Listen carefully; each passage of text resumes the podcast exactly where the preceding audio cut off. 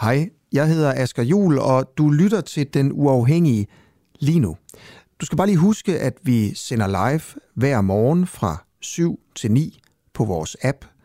Og på appen kan du også finde nogle af vores andre programmer, der kun er for medlemmer. For eksempel podcasten Spionchefens Hemmelighed, hvor jeg prøver at finde ud af, hvorfor spionchef Lars Finsen er sigtet for at lægge statshemmeligheder. Hvad mener politiet, han har lægget? Hvorfor ordnede man egentlig ikke sådan det her i hemmelighed bag gardinerne? Hvilken rolle spillede Mette Frederiksen egentlig, og hvem er Lars Finsen? Nå, ikke mere om alt det. Du kan høre det i podcasten. Download vores app og bliv medlem, hvis du vil høre for eksempel det her program. Ja, og så slipper du i øvrigt også for den her irriterende besked i din daglige nyhedspodcast. Velkommen til en uafhængig morgen med Asker Jul.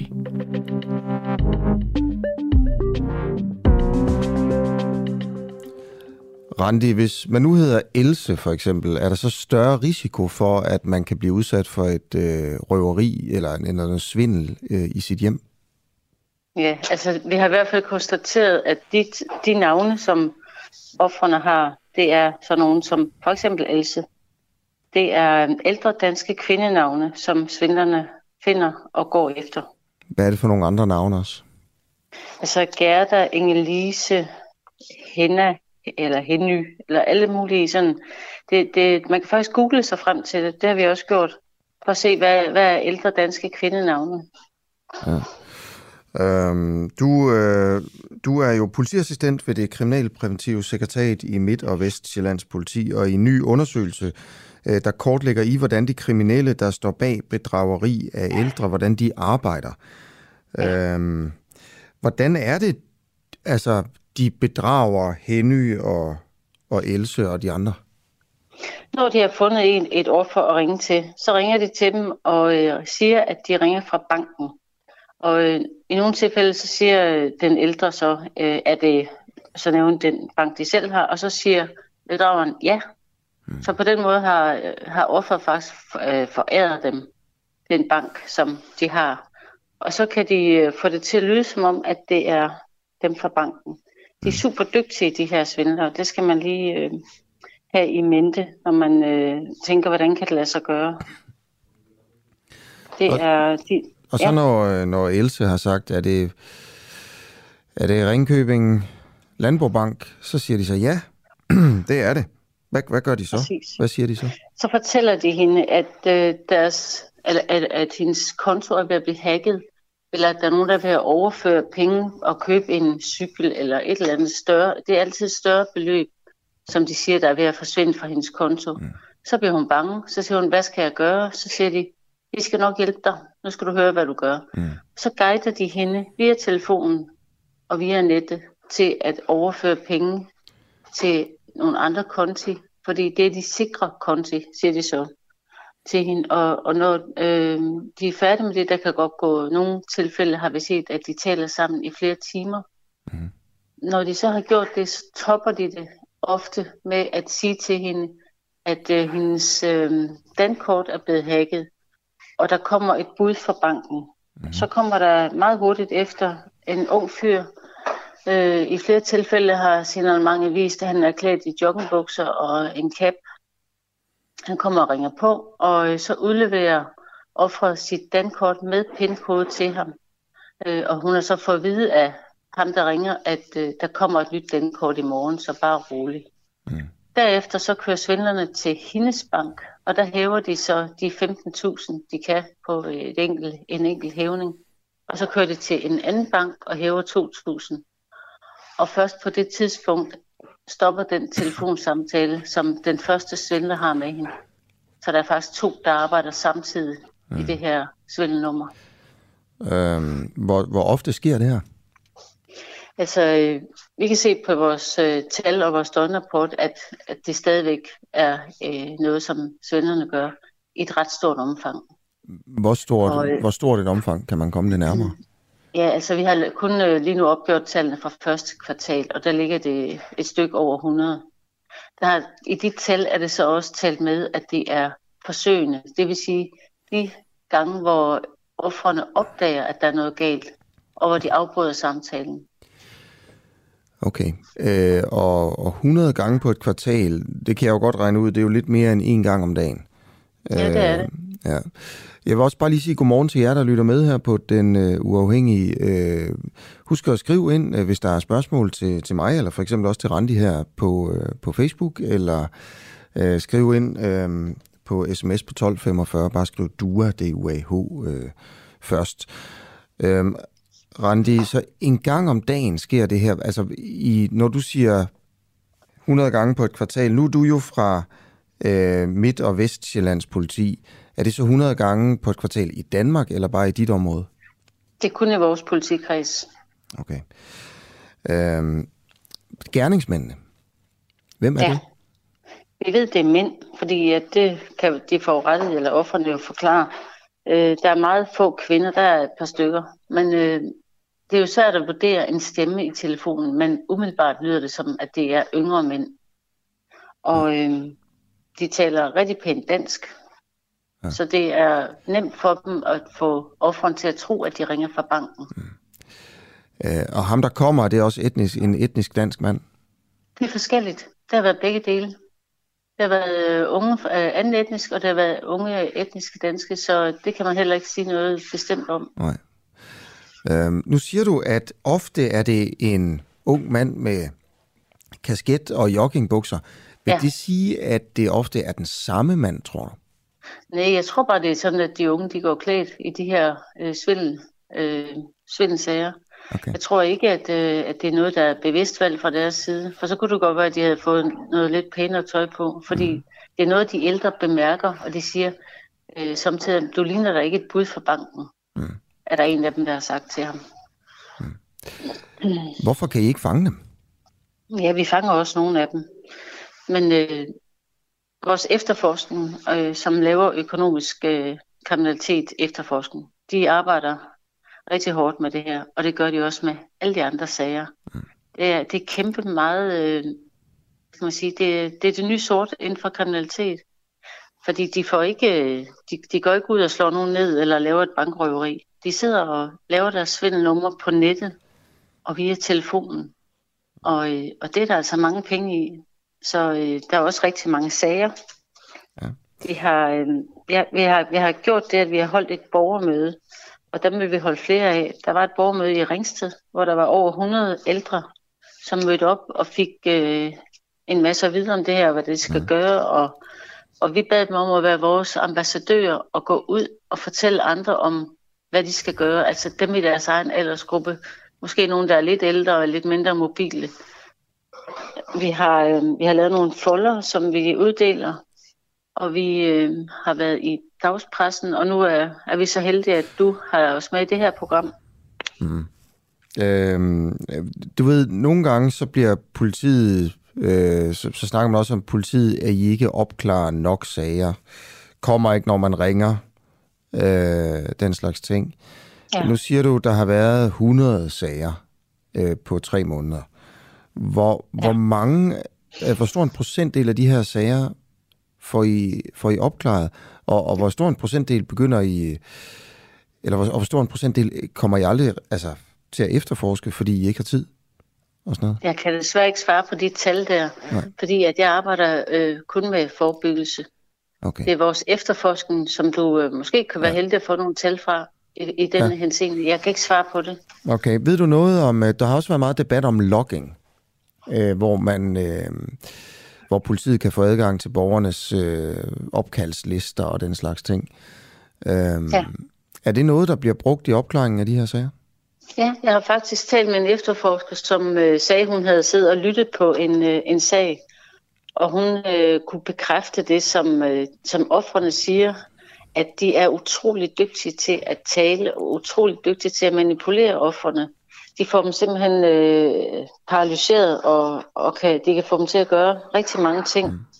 De, øh, vi tror måske, de har øh, sælgerbaggrund eller noget den stil, fordi det, de er virkelig gode til det her svindelnummer. Mm. Altså en, en, en af dine kolleger har siddet og lyttet, og lyttet altså på en båndet, på, en op, på sådan en samtale mellem en ældre og en svindler.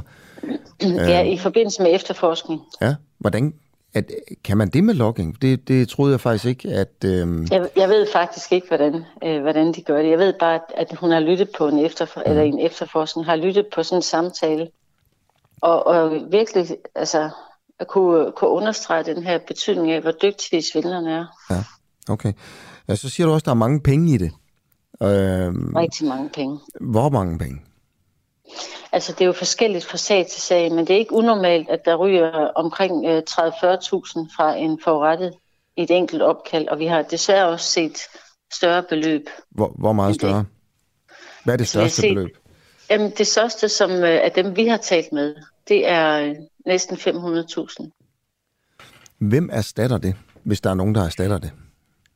Det skal bankerne svare på, men det, det er sådan, at øh, bankerne har forskellige regler i forhold til, hvilken bank det er. De har også forskellige regler i forhold til kundeaftaler, så man kan ikke give et enkelt svar på det. Men jeg tænker, at øh, det er noget, som finanssektoren vil kunne svare på.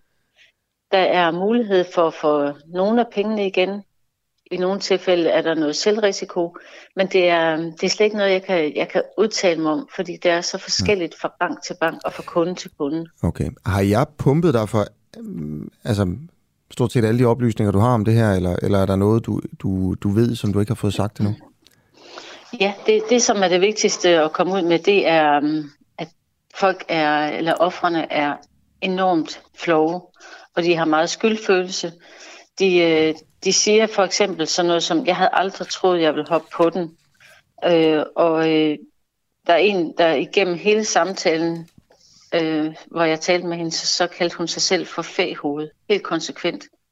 Hun var så flov, og hun var så ked af det, fordi hun har mistet mange penge. Så det, som vi gerne vil, det er, at, at de skal ikke give sig selv øh, skylden. De er ikke vokset op i en øh, digital verden, fordi de ligger, deres alder er mellem omkring de 80-90 år. Mm. Så de har ikke de redskaber, som andre har til at sige, stop, det her det er forkert, det kan ikke være rigtigt. De, de tror simpelthen, de er meget autoritetstro. Ja. Så vi, vi kunne godt tænke os, at de holder op med at give sig selv skylden, men giver de svindlere skylden, som har stjålet deres penge. Øhm, Kåre Hansen skriver ind øh, til mig på, på Facebook her, hvorfor skriver bankerne ikke til deres ældre kunder, at banken aldrig henvender sig per telefon, kun brev og e-boks? Ja, det er faktisk også et problem, vi støtter på i vores undersøgelser, fordi bankerne skriver, og ældresagen skriver, og når politiet sender brev ud, altså alle, som skriver ud til, til ældre om et eller andet, øhm, der, det, det sprog, som der står i det her, de her informationer, det er, øhm, det er svært for de ældre at forstå. Øh, de har... Øhm, de har ikke den, igen, de har ikke den der digitale baggrund, og de har ikke øh, forståelse for det. Nogle af de øh, ting, der står, det er sådan noget som øh, stærk adgangskode, tilvælg totrinsgodkendelse, software, dobbeltscam, download appen, phishing og missing, og rigtig mange udtryk, som, som ældre simpelthen ikke er vant til at bruge i deres ja. dagligdag. Så okay. de bliver forvirret. Ja, det er klart. Er nogensinde selv blevet svindlet, Randi? Det er mest mine børn. Er dine der børn? svindlet mig. Ja? ja, ja, lige præcis. Okay. Hvordan har de gjort det? Sådan bare lukket til at give et eller andet, som de ikke havde fortjent. Nej, det passer ikke. okay. Men, øh, men nej, jeg har, jeg har ikke været så uheldig at øh, løbe ind i en svindler endnu på den måde der. Ja. Men, øh, men ligesom mange andre får jeg jo øh, de der sms'er med, hvor, hvor nogen prøver at logge ind til at betale for porto eller et eller andet. Så det er et, et kæmpestort område, det her, den type ja. svindel. Tusind tak for interviewet. Selv tak, og god dag. Ja, lige måde. Randi Mortensen, altså fra, øh, fra politiet på, øh, på Sjælland. Og så er der mange af jer, som har skrevet godmorgen til mig øh, her fredag morgen, og så siger jeg bare øh, godmorgen lige tilbage igen til øh, Sten og Jane og Gitte og Lars og Hans og Susanne Øhm, og Jakob og Kuber, som er ude og gå morgentur. Øh, og Cooper er måske en, øh, en lille hund, øh, kunne jeg næsten forestille mig. Så godmorgen til dig, øh, Cooper. Øhm, og så velkommen til et øh, rigtig, rigtig øh, godt og spændende og dejligt øh, morgenprogram. Jeg glæder mig i hvert fald til at, til at lave det. Husk, at jeg sidder med dagens nyheder, og hvis der sker noget, så skal jeg nok sige det, som de fleste andre dage her i Danmark, er det jo ikke, fordi der sker det helt store. Øh, det kan vi lige så godt være, være ærlige om, jo. Men øh, hvis der sker noget, så er vi der, jeg skal også nok orientere om dagens øh, sådan lidt større øh, begivenheder. Øh, jeg skal til Skive lige om lidt øh, for at snakke øh, med Paul Johannes Pedersen øh, om, om, om, om den skandale, der muligvis udspillede sig til skivemødet, hvor øh, nogle fredelige pensionister blev smidt væk af politiet, fordi de delte Måske for, bare fordi de delte nogle nej-folder ud, som Mette Frederiksen og Søren Pape Poulsen ikke brød sig om til et, øh, til et møde. Det, jeg vil sige, da jeg snakkede med en af dem i går, der blev smidt væk, så virkede det Eder broderer med altså en lille smule suspekt. Og nu skal vi jo selvfølgelig, vi er i gang med at prøve at finde ud af, hvorfor politiet gjorde det, og hvem der anmeldte det og sådan nogle ting. Men, men lidt mere om den sag. Det er en lille sag, den går under, under radaren de andre steder, men, men vi prøver simpelthen at, og, øh, at følge lidt op, øh, op på det. En dansk fremmed legionær, der kæmper i Ukraine, langer her til morgen hos os øh, ud efter de øh, Ukraine frivillige, der ikke har nogen militær erfaring, som ikke gider træne, men som vil direkte til fronten. Han fortæller nogle historier. Han hedder Rasmus, og øh, der er et interview med ham lige om øh, cirka 20 minutter. Så, og der er meget andet end det også. Blandt andet seksuelle krænkelser i Paradise Hotel. Øh, jeg skal snakke med en mand, der laver reality-tv i næste time. Prøv det bliver gode ting. Øh, og så er der flere, der skriver godmorgen. Martin og Anders, godmorgen til jer også. Jeg vil lige henlede opmærksomheden på en stor spionskandale, som, øh, som politikerne overhovedet ikke vil forholde sig til. Og det er også fint nok, at de ikke vil forholde sig til, øh, til agentsager, men måske er der, det er også det, vi skal tage stilling til her, er der en grænse for, øh, hvornår de alligevel skal gøre det, hvis, hvis skandalen er stor nok. Og her har vi altså at gøre med en mand, som for mange år siden lod sig enrollere i efterret, danske efterretningstjeneste for at hjælpe med antiterrorarbejde i Syrien. Monsterfarligt arbejde. Han arbejder undercover for øh, de, de danske sikkerhedstjenester for at forhindre terror i Danmark. Og øh, han bliver så fanget på et tidspunkt af spansk politi, og han tager det jo køligt, fordi han tænker, jeg siger jo bare til spansk politi, at de har fanget en mand, som de selvfølgelig tror er med i et terrornetværk, men i virkeligheden, så er jeg jo øh, agent for Danmark. Og da han siger det til, til dem nede i Spanien, og spanierne ringer selvfølgelig til Danmark, til Danmark og siger, det, er det rigtigt? Der bliver ikke svaret.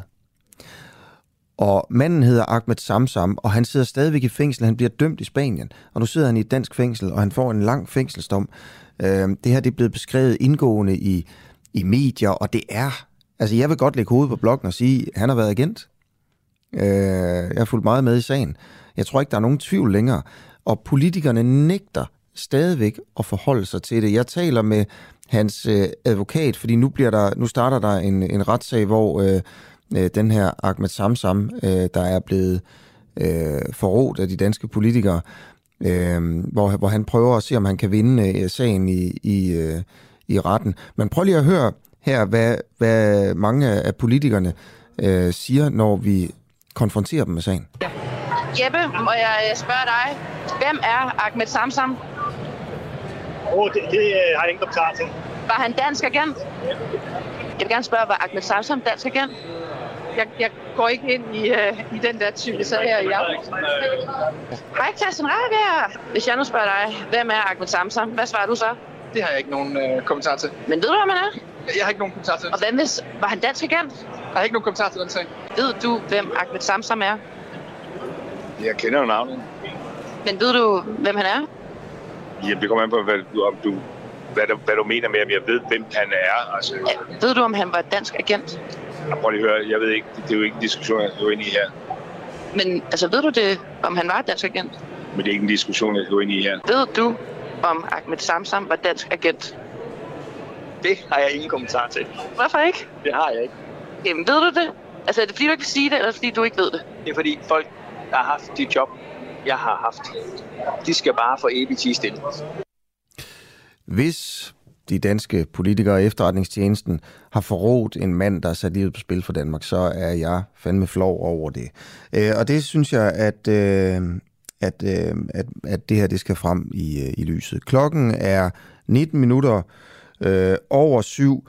Øh, en anden og indtil videre meget, meget mindre øh, sag udspillede sig for nyligt øh, i Skive øh, til sådan et debatarrangement, der hedder Skive-mødet, hvor øh, det er traditionen, at to politikere sidder og har en debat. Det var så Mette Frederiksen og Søren Pape Poulsen her for nylig. Men de snakkede om EU, og de var enige begge to, og de sad på podiet og gav hinanden ret. Nede, og det er udenfor det her foregår, der er nogle boder og sådan noget. Det kan godt minde en lille smule om sådan et, en eller anden form for, øh, for markedsplads. Og, og nede i udkanten, der står tre pensionister, øh, med nogle pjæser om folkebevægelsen mod øh, EU. Øh, en af dem, han hed øh, Øh, eller han hedder Åge Stavn, og jeg talte med ham i går, og han fortalte, hvordan politiet kom og smed dem væk og bad dem om at gå, øh, fordi at de ikke var en del af arrangementet. Det virker som om, at det øh, er noget, politiet øh, ikke skulle gøre. De er ved at undersøge det nu, politiet. Hvem, hvem anmeldte øh, de tre fredelige øh, pensionister? Øh, var det nogen fra Socialdemokratiet? Var det nogen fra de konservative? Nogen, der var med statsministeren eller Pape Poulsen, som ikke ville have dem der? Øh, hvorfor, hvorfor fjernede politiet øh, folk fra Folkebevægelsen mod øh, EU? Paul Johannes Pedersen, du er formand i... Øh, øh, i øh, jeg skulle lige til at sige branding skive egnen, men det må ligesom være branding skive egnen. Hvordan er det, jeg skal sige det? Godmorgen. Du, jeg vil gerne sige godmorgen, og det her branding skive egnen. Branding, ja, præcis. Branding, branding ja. Branding. Vest, vestjysk, ja. Jo, Uh, du så ikke det her, men du er formand for, uh, for dem, der ja. arrangerede debatmødet, hvor Ostavn er ja. altså blevet, blevet smidt væk. Uh, kan du bekræfte ja. det hændelsesforløb, jeg lige beskrev før? Nej, men uh, ja, det, det er jo et spil om ord at blive smidt væk. Sådan uh, vi det, opfatter vi det ikke. Uh, det var en demonstration efter politiets uh, mening, og det er vi enige med dem i. Uh, hvis de havde henvendt sig stille og roligt, for eksempel til mig, så har vi garanteret fundet en mindelig løsning på det. Men uh, hvad det, uh, det, uh, hvad det gjorde de ikke, og jeg opdagede det ikke engang, men uh, at, at blive smidt væk, det, det synes jeg nok, at det, ja. uh, men de det blev... er hårdt. Ikke? Også, ja, men, men de blev bedt ja, om at gå, jo derfra, hvor de var? Ja, de blev bedt om at gå fra pladsen, fordi ja. det var en demonstration. Ja. Uh, og det er jo ikke sådan en markedsplads, det her. Det var et debatmøde, ja. uh, hvor at, uh, der var inviteret, ikke også? Og det jo et privat arrangement ja. uh, på selvfølgelig en offentlig grund, ikke også? Ja, du... Og uh, jeg har meget respekt for, at folk skal have lov til at ytre deres meninger. Men uh, jeg har som, som hovedarrangør, som ansvarlig for uh, hvad hedder det, arrangementet også både krav og pligt til at vide, hvad der nogenlunde sker, kan man sige. Var, så, øh, var det dig, der bad det, politiet om at, var dig, der bad politiet om nej, nej, nej, nej, nej, det var det virkelig ikke. Jeg, jeg, var, jeg var ikke, slet ikke med i det, men jeg tager det fuld ansvar. Ja. Fordi, hvem, øh, hvem, hvem bad politiet om at ligesom gå hen til dem? Ved du det? Det var vores uh, projektleder, som hvad her det, sammen med politiet gik hen til dem. Ikke også? Ja. Og det var ikke en anden tilfældig pige, som der står i aviser, hvad ved jeg. Det var vores projektleder, som stiller og roligt og dygtigt på en pæn måde øh, gik hen og, og snakkede med dem og, og bad dem om at forlade pladsen, og så øh, hvad her det, øh, gjorde de så vel nok ja, det. Altså, men øh, jeg tror, jeg, jeg så nu selv, hvad her det, nogle af de gode mennesker øh, ret tæt på teltet umiddelbart efter, så altså, det var ikke sådan, at de blev forvist op i skoven, men, men altså, What, jeg siger, at det, det er da et skam, at, øh, at det her, det var sådan, men altså... Hvordan, nu, sagde du, de, de lavede en, nu sagde du, de lavede en demonstration. Ja. Øhm, hvordan øh, vil du beskrive øh, demonstrationen? Jamen, jeg vil beskrive demonstrationen ved, at der kommer tre mænd med pamfletter, ikke også, og står nej til EU, og, og hvad vil de lave der, ikke også? Ja. Øh, det er men, ikke i aftale med... med, men, øh, med, med men råbte, råbte de noget? Øh... Nej, overhovedet ikke. Nej. Det var stille og rolige, øh, venlige mænd, ikke også, ja. som jeg men det, det er absolut, der var, der, der, var, der var virkelig ikke aggression Nej. fra deres side. Der var altså heller ikke aggression fra den anden side. Nej, nej, men, men øh, altså, det, I får politiet til at gå hen til dem og bede dem om at, at, at forlade stedet, hvis politi, de skal... Hvis, politi, ja. politi, politi kom, politi kom. Ja. Så altså, og bliver bedt om at forlade øh, stedet, hvis de skal blive ved med at dele de der pamfletter ud. Og det er ja, altså tre bestemt, folkepensionister, der sidder og deler pamfletter ud for nej-siden til ja, et arrangement, ja, hvor der sidder to politikere øh, fra ja-siden øh, og er enige ja. med hinanden. Synes du, det er rigtigt? Korrekt. Synes du, at det er rigtigt, de skal Jamen, nu de fik skal vi gå? vores statsminister til at komme, og han tog så, hun tog, uh, hvad her, det, det blev så Søren Gade, der sad ved siden af, og der blev blandt andet diskuteret EU's forbehold. De mm. diskuterede selvfølgelig også hovedtemaet i, i skivemødet Danmark i balance. Så uh, det var en, to, tre debatter, det drejede mm. sig om, ikke også? Uh, og hvis de her gode mennesker, man skulle egentlig tro, når de er så erfarne og kalder sig folkepensionister, at hvis de med, med den erfaring, man får, jo ældre man bliver, man bliver generelt klogere, det synes jeg egentlig også selv, jeg bliver, så kunne man jo måske have anvendt sig stille og roligt til, til mig, og så har vi fundet en ordning på det. Det er jeg da fuldstændig sikker på. Men hvorfor, men, øh, hvorfor, men, hvorfor ikke lade dem stå? Det forstår jeg slet ikke. Altså, hvad, hvilken skade nej, gør det, at de men, står der og deler nogle pamfletter ud, sådan tre pensionister? Helt ærligt. Nej, men det, jamen, helt ærligt, så er det en demonstration, og vi skal ikke have nogen demonstration derinde. Altså, ja, det sådan bare det. Okay. Og, det, og det, var en, det var en stor overraskelse for, for alle, at der pludselig stod sådan uh, tre, uh, tre pæne mænd. Uh, det, uh, det, det var det. Okay, men der, så, uh, ja, så ja. det er jo så sådan, det er. Tusind tak for ja. interviewet, Paul Johannes Pedersen, formand. Ja, velbekomme i... der, og uh, uh, ja, velkommen. God dag til jer. Ja, lige måde. Tak for det. Hej.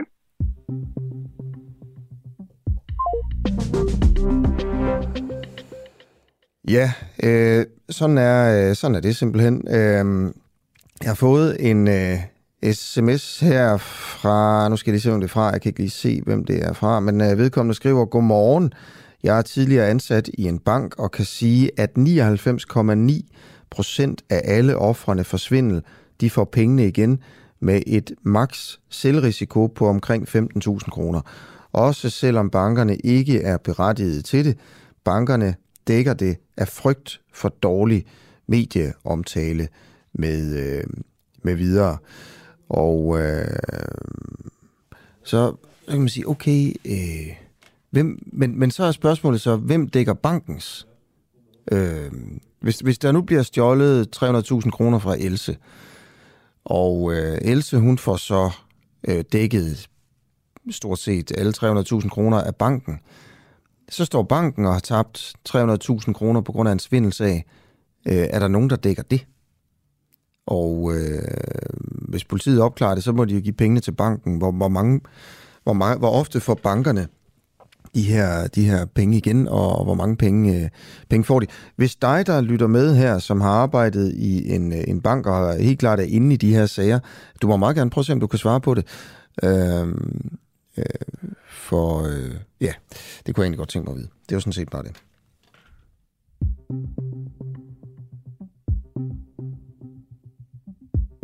De råd, man får som, øh, som barn og ung, de passer ikke helt, fordi man kan faktisk godt leve af sorte penge, hvis man indretter sig på den rigtige måde, og man kan faktisk også leve ganske udmærket på den måde. Sådan snyder danskerne systemet.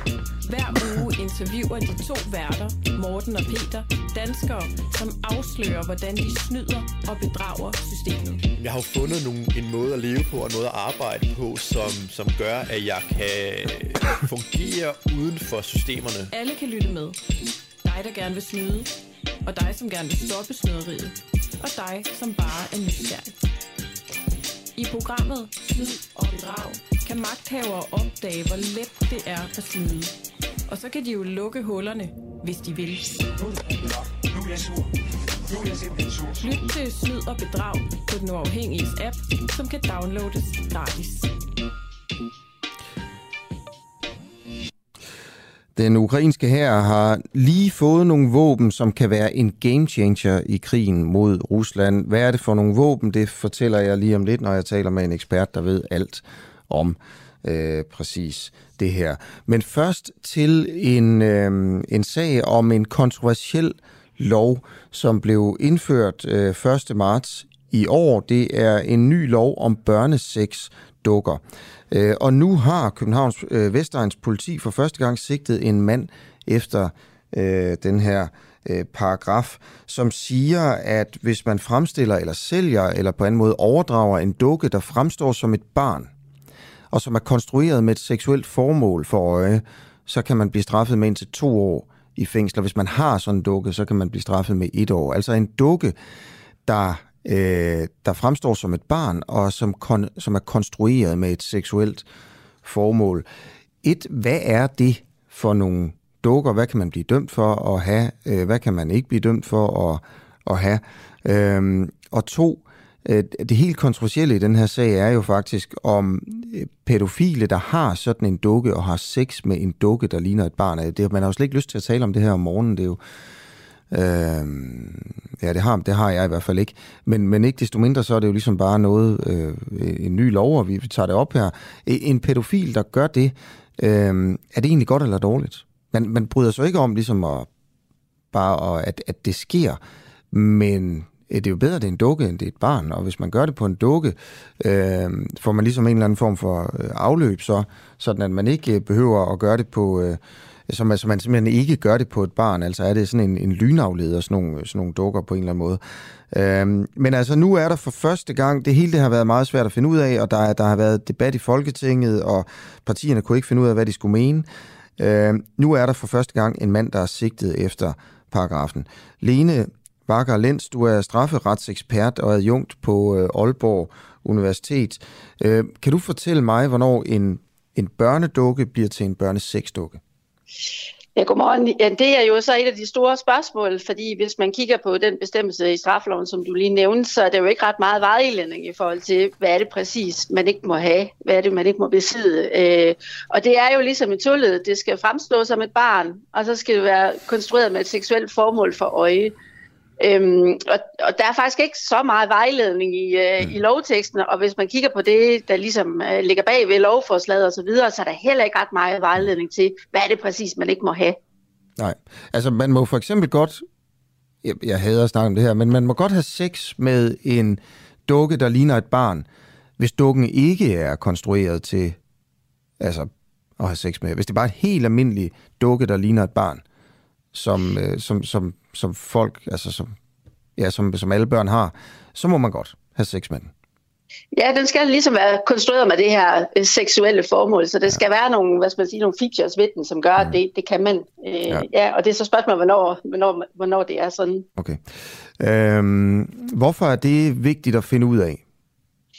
Jamen det er jo sådan med straffebestemmelser, at det skal jo helst være sådan, at, at borgerne kan læse i, i straffeloven, hvad er det så, der er forbudt, hvad er det, jeg skal lade være med. Øh, og når man laver nogle straffebestemmelser med nogle uklare elementer, så bliver det sværere for os alle sammen at indrette os efter det. Man kan sige sådan en bestemmelse som tyveri, den forstår vi jo alle sammen, vi må ikke tage andres ting. Øh, men det er især vigtigt, når man laver nye straffebestemmelser, at vi er fuldstændig klar over, hvad er det så nu, vi ikke må. Øh, og det, der navnligt er grænsefladen for en bestemmelse som den her, det er jo, at det er helt legalt og lovligt og fint, hvis man har de tilbøjeligheder at have en sexdukke, som ligner en voksen. Mm. Og det kan jo godt være, at der er nogen, der har dem, men det er det her med, at det, det, skal, det skal fremstå som et barn, som nu øh, bliver kernepunktet med den her bestemmelse. Ja. Så skal man til ind og have en vurdering af, hvad er det for nogle træk på en dukke, der gør, at man ikke bare kan sige, jamen det er en dukke, der er over 18 år, den har bare sådan lidt øh, umodende træk, eller Ja, og det, og det er jo der, jeg tror navnet, det, det bliver svært i forhold til, ligner det en voksen, eller ligner det et barn, mm. øh, den her sexdukke, fordi altså, de, de kan jo være meget simpelt øh, lavet, ikke også, øh, uden for mange øh, sådan, øh, særkender, hvor, hvor man siger, det må altså være svært at sige, det ligner en voksen, ja. eller det ligner et barn. Hvordan vil man gøre det?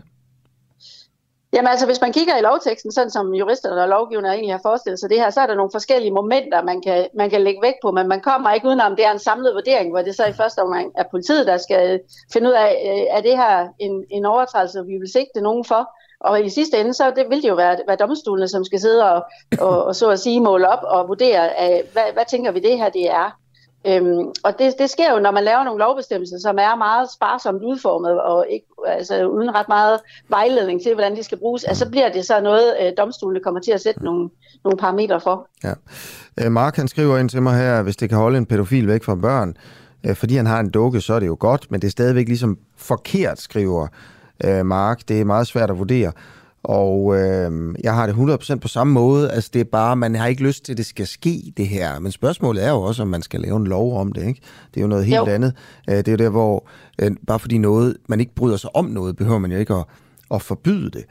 Øh, og så skriver Anders, det, det samme det gælder vel med en knæppeged. Altså det er jo også sygt. Men dyresex, det er jo også forbudt, så skal det også være forbudt at have sex med en, en, en, en bamse, der ligner et dyr, for eksempel. Ikke? Man kunne også sige, øh, burde det være forbudt, at man øh, leger, at, at, at øh, man voldtager en Lolita-dukke? Altså, der er bare sådan alle mulige ting, man kommer ja. til at tænke på og sådan noget. Hvad tænker du, hvad tænker du om det?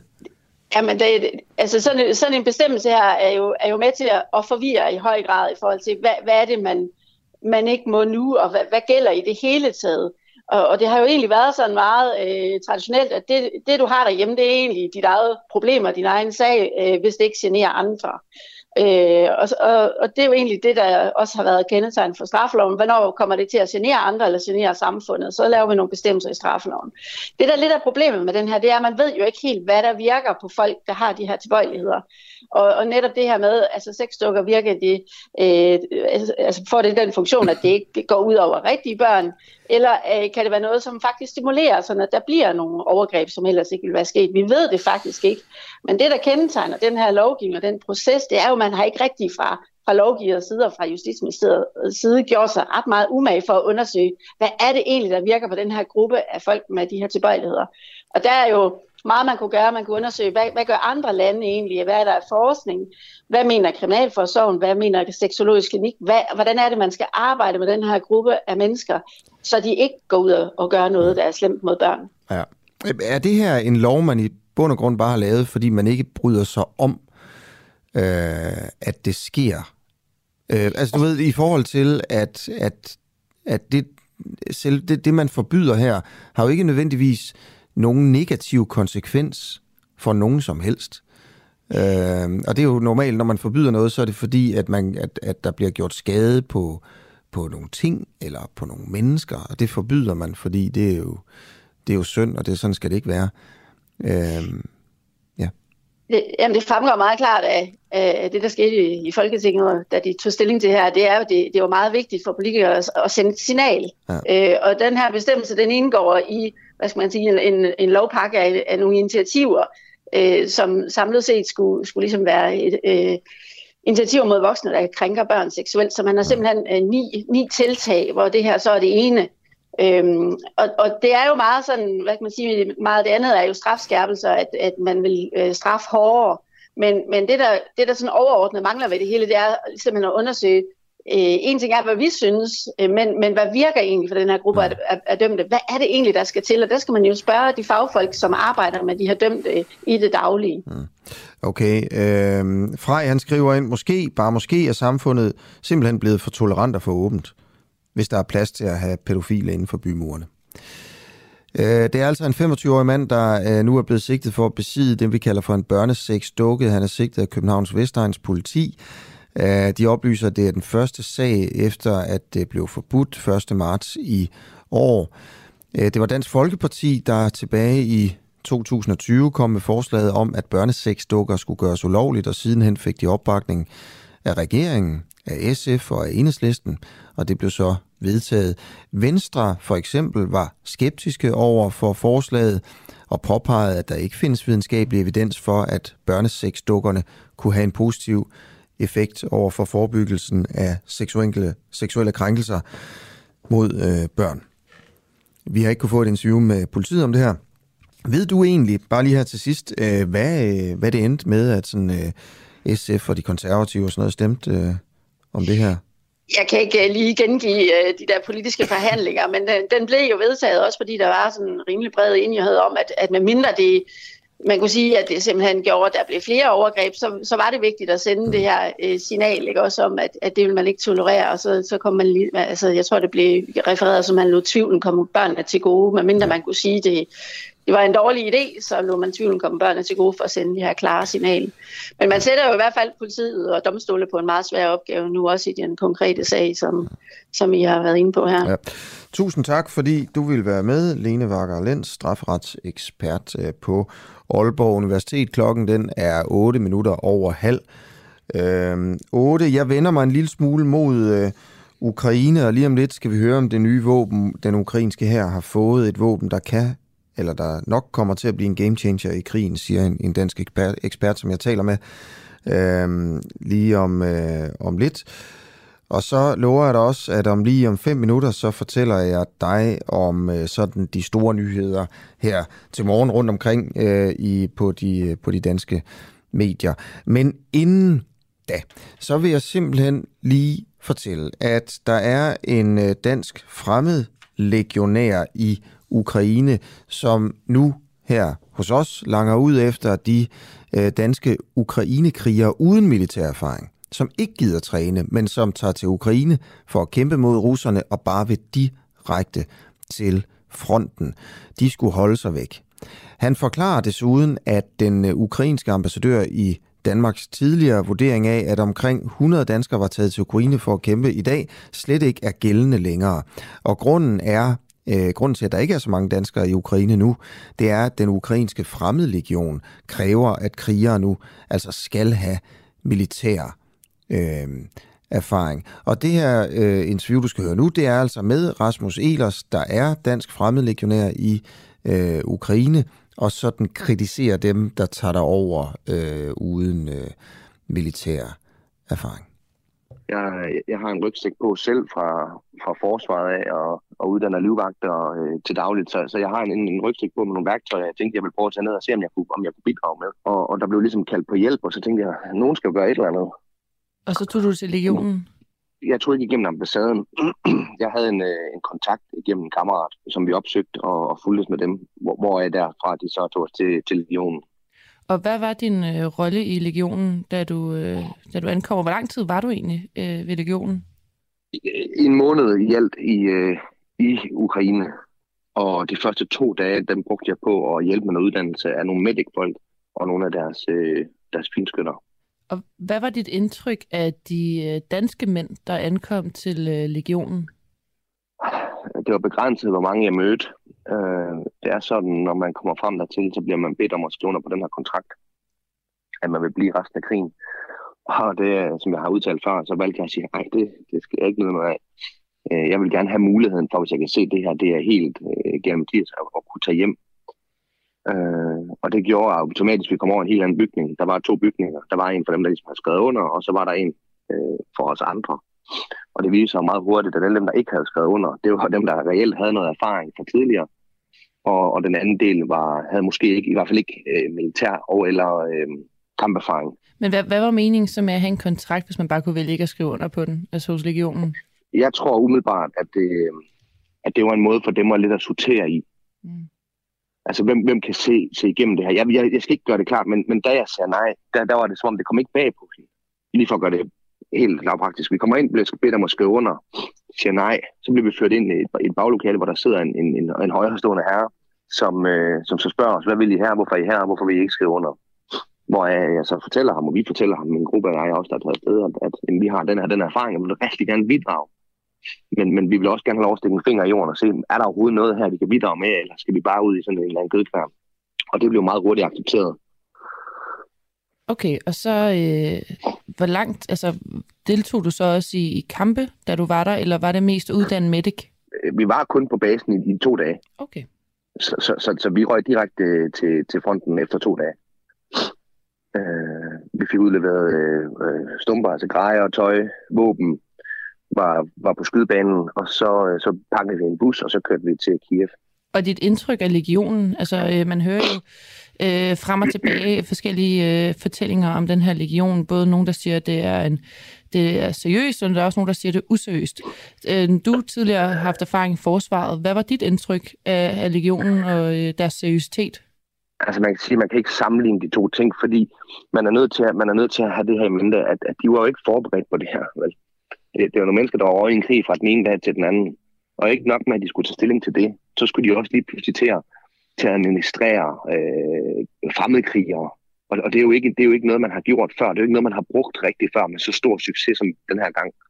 Så når man kommer med kritik af, af legionen, så skal man lige huske, at det er altså en, nu ved jeg godt, at man har fremme legionen i, i, i Frankrig, men, men ellers så er det jo, altså, der, var mange, der mangler noget struktur, det er helt sikkert til at starte på. Var det ikke dem selv, der inviterede fremmedkrigere til at... Jo, jo, jo, bestemt. Men jeg tror ikke, jeg, jeg tror, at det her det er jo kun min, mm. i min optik. Jeg tror ikke, man var forberedt på, hvor mange der reelt ville komme. Og der kom jo altså mange. Jeg synes, der var godt styr på det. De, de, de havde jo alt materialet. De fik jo, altså, de, de fik jo våben, de fik jo tøj, det fik de delt ud. Nu spurgte du mig før om de andre danskere, der var her. Uden at negligere nogen andre, øh, eller, eller, eller snakke dårligt om andre, så blev de præsenteret for, at de skulle have noget træning, de her folk. De skulle have noget træning i, i, i førstehjælp, de skulle have noget træning i formationer, de skulle have noget træning i kommunikation, og de skulle have noget skydetræning. det var der rigtig mange, og nu snakker jeg ikke kun danskere generelt, af de her fremmedkrigere, som ikke havde erfaring, der blev sure over, og, og, og faktisk forsvandt fra basen øh, og, og smuttede derfra. Så det var lidt mere sådan nogle drengerøv, der ikke måske helt vidste, hvad det var, de egentlig havde meldt sig til. Det, det sagde du. Nej, jamen, jamen, altså det, det, er jo, det er jo svært at, at, at redegøre for, hvorfor folk gør, som de gør. Men, men de, det, i min optik, så hvis, hvis man er på vej i krig, i sådan en krig her, alle krig, og man, og man siger nej tak til træning, eller man er for ivrig for at komme ud. Nu, nu, nu er jeg jo lidt dobbeltmoral, for jeg tror stadig to dage efter, men, men, men jeg havde også noget i rygsækken. Hvis man ikke har gjort det her før, og synes, at en uge eller 14 dages træning, det er for meget, så har man i min optik lidt forkert verdensbillede, fordi ikke nok med, at du går mod og sætter dig selv øh, i fare, men du sætter altså også andre i fare, hvis du ved, hvordan du skal bevæge dig, og hvordan du skal håndtere dit våben. Sådan noget simpelt som våbenbetjening, ser man jo fire måneder i, efter en værnepligt stadigvæk, at folk de, de kager i. Mm. Så, så 14 dages træning er ikke meget, så hvis, hvis man tager ned for at deltage i en krig, men ikke vil have træning, siger, at jeg vil bare ud og, og slå nogle russere ihjel, så synes jeg måske, man skulle have fundet på noget andet. Mm. Altså, vi skal huske på, at uanset om man er i legionen, eller man er af de oprørsgrupper, eller man render rundt alene dernede øh, og, og, og, og tager billeder af sig selv, vi skal, vi skal bare huske på, at, at meningen er, at vi skal være sammen om det her om at vinde det her. Er der, mens du øh, var der, oplevede du så folk, øh, der kom fra Danmark, som øh, øh, fik afslag på at være en del af legionen, altså øh, fordi de øh, af grunde ikke, kunne, øh, ikke måtte være med? Det fik vi først indført efter. Det er, det er indført nu. Ifølge, ifølge ambassaden, der skulle være lidt over 100 danskere, der er taget ned og kæmpe. Det er helt forkert. Jeg er i kontakt med Danish Foreign Legion, som er en, en frivillig organisation, en forening, som samler ind til, til alle dem her De siger, der er 22. Uanset hvem jeg snakker med af, af, af folk dernede, så er der ikke nogen, der har set 22 danskere. Hvad der siger så, dem, så, så, ja, det er, jo, det er jo spørgsmålet om, om de overhovedet har været der. Hvad jeg har hørt og hvad jeg har set. Der er maks 10 danskere dernede igen det skal jeg ikke gøre mig her om, om der er nogen, der selv har taget ned og kommet over grænsen og har fundet nogle våben og taget ned og kæmpe med. Der er jo forskellige oprørsgrupper. Der er de her, øh, jeg kan ikke huske, hvad det hedder, øh, Dynamo, Dynamo, øh, hvad, Kiev, Hooligans. Der er nogle forskellige grupper rundt omkring. Det kan sagtens være. Men gennem legionen nu, der skal du dokumentere militær erfaring for overhovedet at komme ind i det her. Du kan blive afvist ved grænsen for mindre. Tror du, der er nogle af dem, der tog dig øh, til som danskere, som måske skulle være blevet hjemme? Eller tog dig til af andre grunde? Ja, det tror jeg helt bestemt, der var. det tror jeg helt bestemt. Uh, jeg synes, jeg synes vi, har, vi har været lidt ind over det, og igen skal man igen, jeg skal ikke negligere folks motivation for at være der. Jeg har selv været der. Uh, men, men, men, men jeg synes virkelig, man skal have i tankerne, at ja, det, det, det, det er russerne, der angriber, og, og igen soldater slår soldater ihjel, men det vil have et efterspil. Kan man nogensinde træne sig nok til at blive klar til det her? Nej, det kan man ikke. Men man kan sørge for, at man har en rygsæk på med de rigtige værktøjer. Man kan sørge for at vide lidt om, okay, hvordan, hvordan arbejder man sammen i grupper? Fordi nogle af dem, jeg har arbejdet sammen med, det er tidligere øh, øh SAS-folk, det er tidligere øh, britiske soldater, som sagt, det er øh, amerikanske soldater, det er fremmede øh, legionærer. Det er altså folk, der har været soldater og udsendt mange gange. Så selvom vi kommer fra alle mulige verdenshjørnerne, så ved vi alle sammen, hvad det her det betyder. Nu står jeg og fægter med her, det kan du ikke se. Men vi ved, hvad det betyder. Så vi kan arbejde sammen i en gruppe, selvom vi ikke har prøvet det før. Det kan du ikke, hvis ikke, hvis ikke du har en eller anden form for træning. Hvis, hvis, hvis ikke du har øh, noget træning i, hvordan du bruger et tourniquet, hvis ikke du har noget træning i, hvordan du lægger en forbinding, hvis ikke du har noget træning i, hvordan du finder et udgangshul, hvis ikke du har prøvet de her ting før, jamen så vil du måske sløve en proces, hvor en, en anden kunne have gjort det bedre. Ikke derved ikke sagt, at man ikke skal gå ned på en forskel, men så kunne man måske i hvert fald være åben for at tage imod noget af den her træning. Mm. Og hvis man kommer ned og med det samme siger, nej, stop, giv mig et våben, jeg ved at slå russer ihjel. Jamen, så synes jeg måske, at man skulle have fundet på noget andet. Ja, tak til øh, Rasmus Elers her. Øh, vi har fået en sms fra Liva. Tak for sms'en, Liva. Øh, og du skriver, at ham der Jonas, som øh, I har haft med mange gange, sådan en, som øh, der bliver kritiseret her. Og der vil jeg bare lige sige, at Jonas er øh, en ukrainekriger, som vi har interviewet en del gange om forskellige ting. Øh, blandt andet om, hvordan øh, øh, at han og de andre øh, udlændinge i, den ukrainske, øh, i de ukrainske styrker smurte øh, tog stoffer og smurte øh, deres projektiler ind i øh, grisefedt. Øh, Øhm, og så skriver Liva her, ham der Jonas, I har interviewet, lyder altid øh, som meget drevet af det der rush, som krigen giver, og ikke så meget i kontakt med virkeligheden. Det kan man selvfølgelig kun gisne om. Øh, god weekend fra Liva. Øh, og jeg vil sige, at ham Jonas, vi har interviewet nogle gange, han kunne godt være sådan en, altså der, øh, der bliver kritiseret øh, her. Fordi øh, Jonas øh, er en mand, der er taget til Ukraine øh, uden nogen nævneværdig sådan militær øh, erfaring. Han var, jeg, jeg ved ikke, vi anonymiserer ham, jeg ved godt, hvad han laver til daglig, men det kommer jeg ikke til at sige. Det er sådan en, en slags håndens mand, kan man sige, øhm, øh, som, som har taget over, så, så ja. Øh, og Peter Engelbrecht øh, skriver, det er et godt indspark fra Rasmus her, han ved tydeligvis, øh, hvad det er, han taler om. Okay.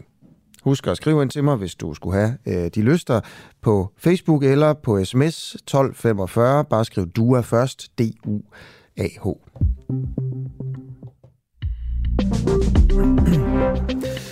Et par af dagens øh, nyheder. Øh, det, det er måske en god nyhed her. DSB har solgt samtlige C4-tog, øh, også de mest upålidelige. Mange danskere vil nok være glade for, at vi er kommet af med dem. Øh, det er en udenlandsk køber, der er blevet enig med DSB om at købe dem. Øh, og der står altså øh, i, øh, i opslaget øh, fra øh, DSB, øh, in very good working order. 11 blev sat til salg for et par år siden, og nu er en anonym køber, altså øh, ligesom nu har Auto har aftaget dem. Hvorfor skal det her egentlig være anonymt? Øh, vi kommer til at finde ud af, hvor de kører rundt. Det er jo svært at skjule tog. Men altså, det vil de simpelthen ikke øh, sige, hvem, øh, hvem det er. Det, det finder vi nok ud af en eller anden dag. En anden nyhed. Øh, præsident Biden i USA opfordrer til at forbyde salg af angrebsvåben. Øh, det er jo ret nemt at købe øh, våben, også øh, halvautomatisk våben øh, i øh, USA. Og Biden siger i en meget sådan følelsesladet tale her, for Guds skyld, for the love of God. Hvor mange flere blodbade er vi villige til at øh, acceptere? Biden foreslår øh, at forbyde borgere at købe militærlignende angrebsvåben og magasiner, som kan indeholde mange patroner. Øh, det er jo en debat, der igen, igen, igen, igen er blusset op efter 19 børn og to lærere er blevet dræbt på en skole i byen øh, Uvalde, eller Uvalde, eller et eller andet, i Texas her den øh, 24 øh, den 24. maj, og Biden siger, at det er på grund af de samvittighedsløse republikanere i kongressen, at man ikke har fået lavet det her forbud for lang tid siden. Øh, så er der også øh, en meget interessant øh, afstemning i Folketinget i dag, som på en eller anden måde handler om, hvem der ejer dine indvold, dine nyre, dine lever, sågar dit hjerte. Ejer du det som udgangspunkt selv, eller er det samfundets? Er det fællesskabets? Øh, det, er, det er nogle svære spørgsmål, det handler om organdonation. Øh, Venstre fritstiller faktisk sine folketingsmedlemmer den her gang. Det gjorde man ikke sidste gang, man, øh, man stemte om det, men det gør Venstre nu. Øh, det øh, er et øh, borgerforslag, som har fået over 50.000 støtter, og så skal Folketinget tage stilling til det. Øh, det handler om at ændre loven om organdonation, så alle over 18 år som udgangspunkt er organdonorer og aktivt skal fremmelde sig, i stedet for aktivt at tilmelde sig, som det er i dag. Og det vil altså sige, hvis man er, hvis man bliver 18 år, alle bliver jo 18 år, med mindre der sker noget forfærdeligt, så bliver man 18 år, bang, så, så kommer din, så, så kan dine øh, altså organer og indvold automatisk, hvis du altså, hvis der sker en ulykke, øh, så, så, så tilhører de automatisk nogle andre. Med mindre du melder dig fra. Så Øh, det skal de tage stilling til i, øh, i dag. Øhm, og så er de danske myndigheder også klar med nødplaner, hvis øh, vi danskere kunne, skulle komme til at fryse. Det er den faldende naturgasforsyning fra Rusland, øh, der, der selvfølgelig er tale om. Øhm, men klima- og energiminister Dan Jørgensen har en, øh, en plan. Øh, han holdt pressemøde i går. På den korte bane, siger han, så får Ruslands beslutninger ikke betydning for forsyningssikkerheden, men vi følger situationen tæt. så ja, det gør vi jo selvfølgelig øh, også. Ja, klokken er 7 minutter i 8 denne fredag øh, morgen. Øh, USA sender avancerede missilsystemer til Ukraine. Det er samme missilsystem, som blev brugt til en øvelse på Bornholm faktisk her for nylig. Og de her missiler, de skal nu i krig for Ukraine mod Rusland. Jakob Korsbo, øh, udenrigs- og sikkerhedspolitisk kommentator, tidligere chefanalytiker i Forsvarets øh, efterretningstjeneste, er med mig nu. Øh, du skriver på Twitter, at de her missiler kan være en game changer. Altså, de kan forandre, øh, forandre krigen. Hvorfor det? Godmorgen.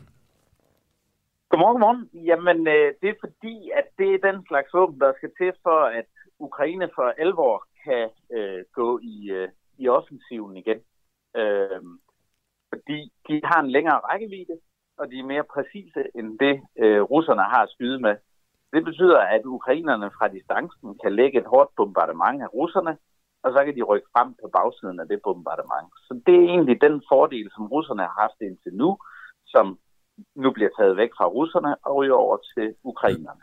Okay. Så på den måde er det en strategisk ændring af krig. Okay. Det er missiler med navnet øh, HIMARS, eller HIMARS, High Mobility uh, Artillery Rocket System, der altså bliver, bliver sendt derover. Øhm, de kan ramme mål inden for cirka 80 km afstand. Kan du prøve at give et eksempel på, hvordan den ukrainske her øh, nu kan kæmpe mod russerne ved at bruge de her våben? Ja, det kan jeg, hvis vi for eksempel kigger ned i Donbass. Der har øh, russerne øh, de sidste tre uger navnlig lagt et voldsomt tryk på ukrainerne. Og det er ved hjælp af øh, simpelthen artilleribombardement fra øh, nogle gange op til en 30-40 km afstand, hvor de simpelthen øh, lader granaterne regne ned over øh, øh, ukrainerne i, øh, i god tid, før de kan, så kan rykke frem. Øh, så man bruger det til at gøre modstanderen møre med. Øh, det man kan så sige nu, det er, at ukrainerne kan føre de her systemer øh, frem til, lad os sige, øh, øh 20-30 km fra fronten, og så kan de ramme de, øh, de russiske øh, stillinger og de russiske øh, opmarschpunkter, øh, og så rykke frem, når de har skudt på dem. Så det her spørgsmål om rækkevidde, det er, det er rigtig vigtigt. Øh, derudover så er der også den finurlighed, at de her øh, granater, som, øh, eller de her raketter, som ukrainerne får med, de er GPS-styret. Så det vil sige, fra de 80 km, der kan de ramme, jeg mener det inden for en, en 3 meters øh, præcision. Så, så det, er, det er et ret frygtindgydende våben. Så, så det vil sige, hvis jeg havde det her i studiet, øh, og skød det mod Roskilde Domkirke, altså så kunne jeg simpelthen øh, ramme, hvis jeg gerne ville det, lige ude foran hoveddøren? ja, noget af den retning. Okay. Øh, og øh, noget, jeg kom til at tænke på, det er, at de her våben, øh, jeg tror faktisk, det er de eksakt samme våben, altså de eksakt samme missiler, sådan har jeg forstået det, nu må du rette mig, hvis jeg tager fejl, de var på Bornholm øh, ja. på en militær øvelse for et par uger siden.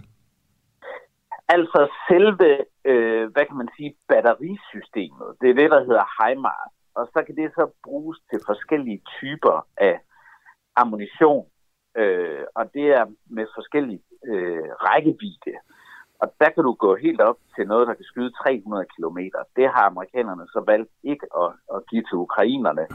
Jeg ved ikke lige præcis, hvad det var for en type ammunition, øh, man havde med over på øh, Bornholm, men selve det her HIMARS raketsystem ja. øh, var, var derovre. Men, men nu spørger jeg så om, at var det præcis det, Altså hvis man havde været på Bornholm der for et par uger siden, jeg så det i TV-avisen, de var derovre nemlig, ikke?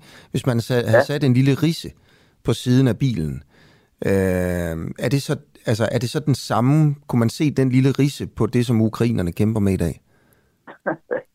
Ej, det, det, det, det, det, skal jeg ikke, det skal jeg ikke kunne sige. Nej. Men øh, amerikanerne har faktisk, altså... Men, men grund til at spørge, jeg bare lige... Hele tiden, Ja. ja grund til at spørge, det er jo det her med, at, at øh, øh, russerne jo også har sagt før, de godt kan finde på at angribe våbenleverancerne.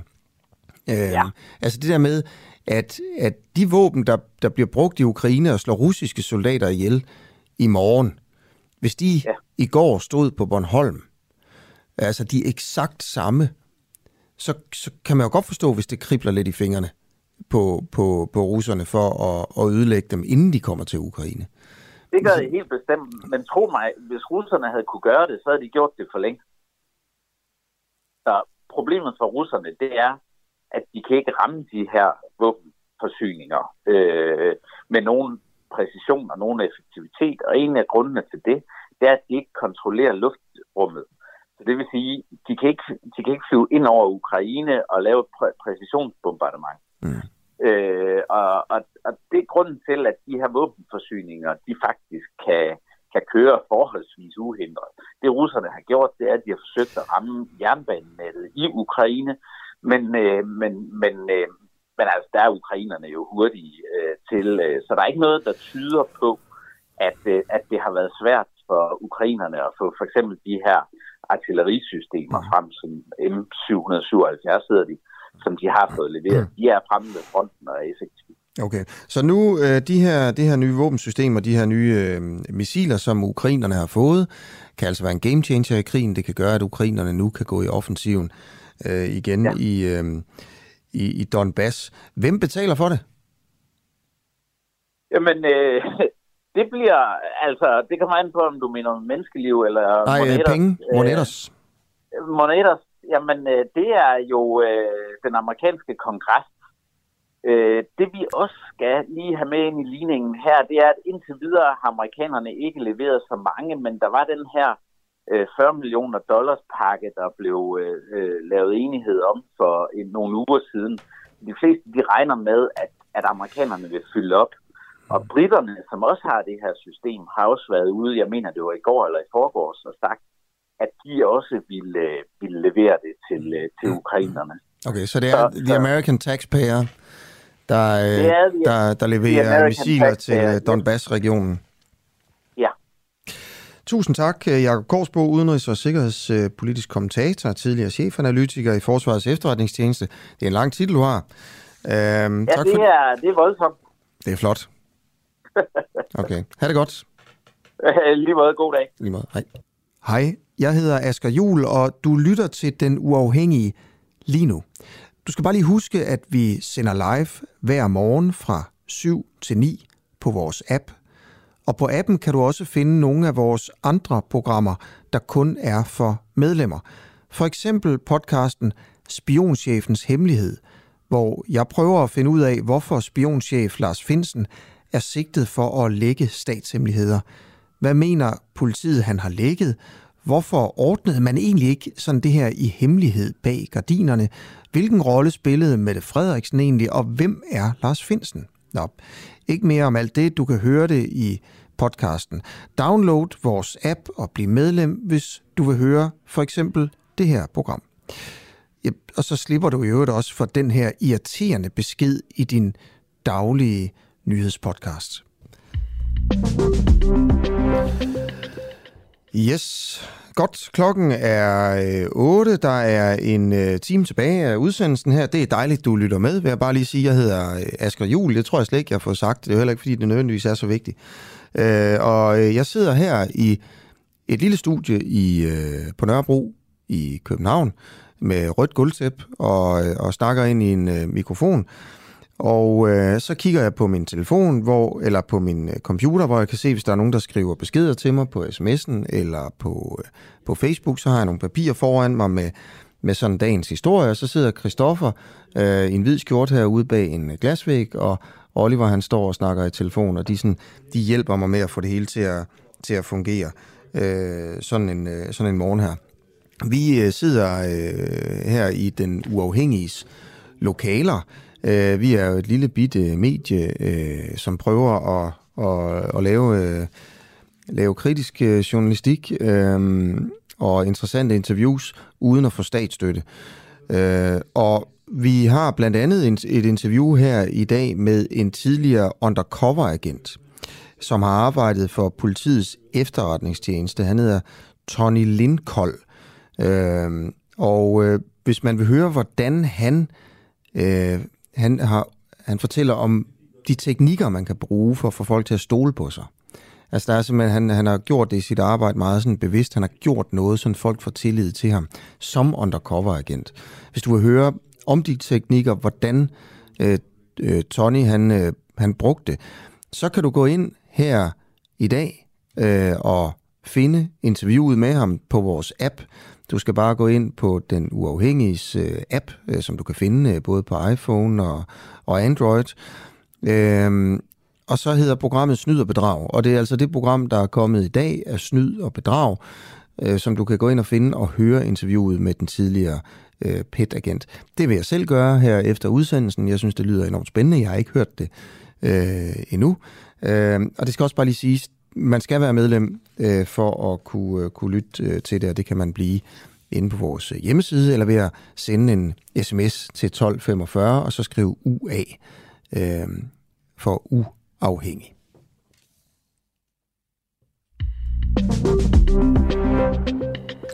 Yes, øh, og øh, nu skal det handle om øh, en stor, øh, tyder det på, det, det synes jeg i hvert fald det er, det er jo så bare min holdning, en stor skandale i, øh, i Danmark. Øh, de danske politikere, de danske magthavere, regeringen, efterretningstjenesterne har svigtet og forrådt en, øh, en mand, der har sat livet på spil for Danmark.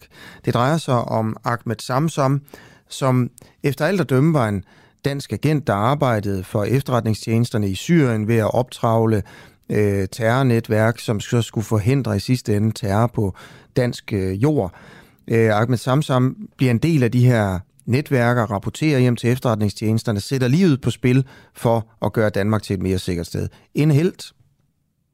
Han bliver så fanget af spansk politi for nogle år siden, og siger straks til dem, ja, jeg ved godt, I tror, jeg er agent, eller jeg, jeg er terrorist, men i virkeligheden, så er jeg agent, jeg arbejder undercover for den danske efterretningstjeneste. Spanierne ringer til Danmark, men får det aldrig bekræftet. Og det ender med, at den her danske agent, Ahmed Samsam, han simpelthen får en fængselsdom i Spanien, og han sidder stadigvæk i fængsel. Nu, øhm, nu øh, øh, har han sagsøgt øh, den, den danske, de danske efterretningstjenester, øh, og i går der afgjorde Københavns Byret, at øh, når den terrordømte Ahmed Samsams sag mod efterretningstjenesterne skal afgøres, så kommer det altså til at foregå i, i, øh, i landsretten. Erbil Kaja, du er forsvarsadvokat øh, for ham. Godmorgen. Godmorgen. Godmorgen. Fremlagde jeg sagen nogenlunde korrekt her? Ja, det synes jeg ikke er helt galt i hvert fald. Øh, hvad er det, retssagen kommer til at gå ud på?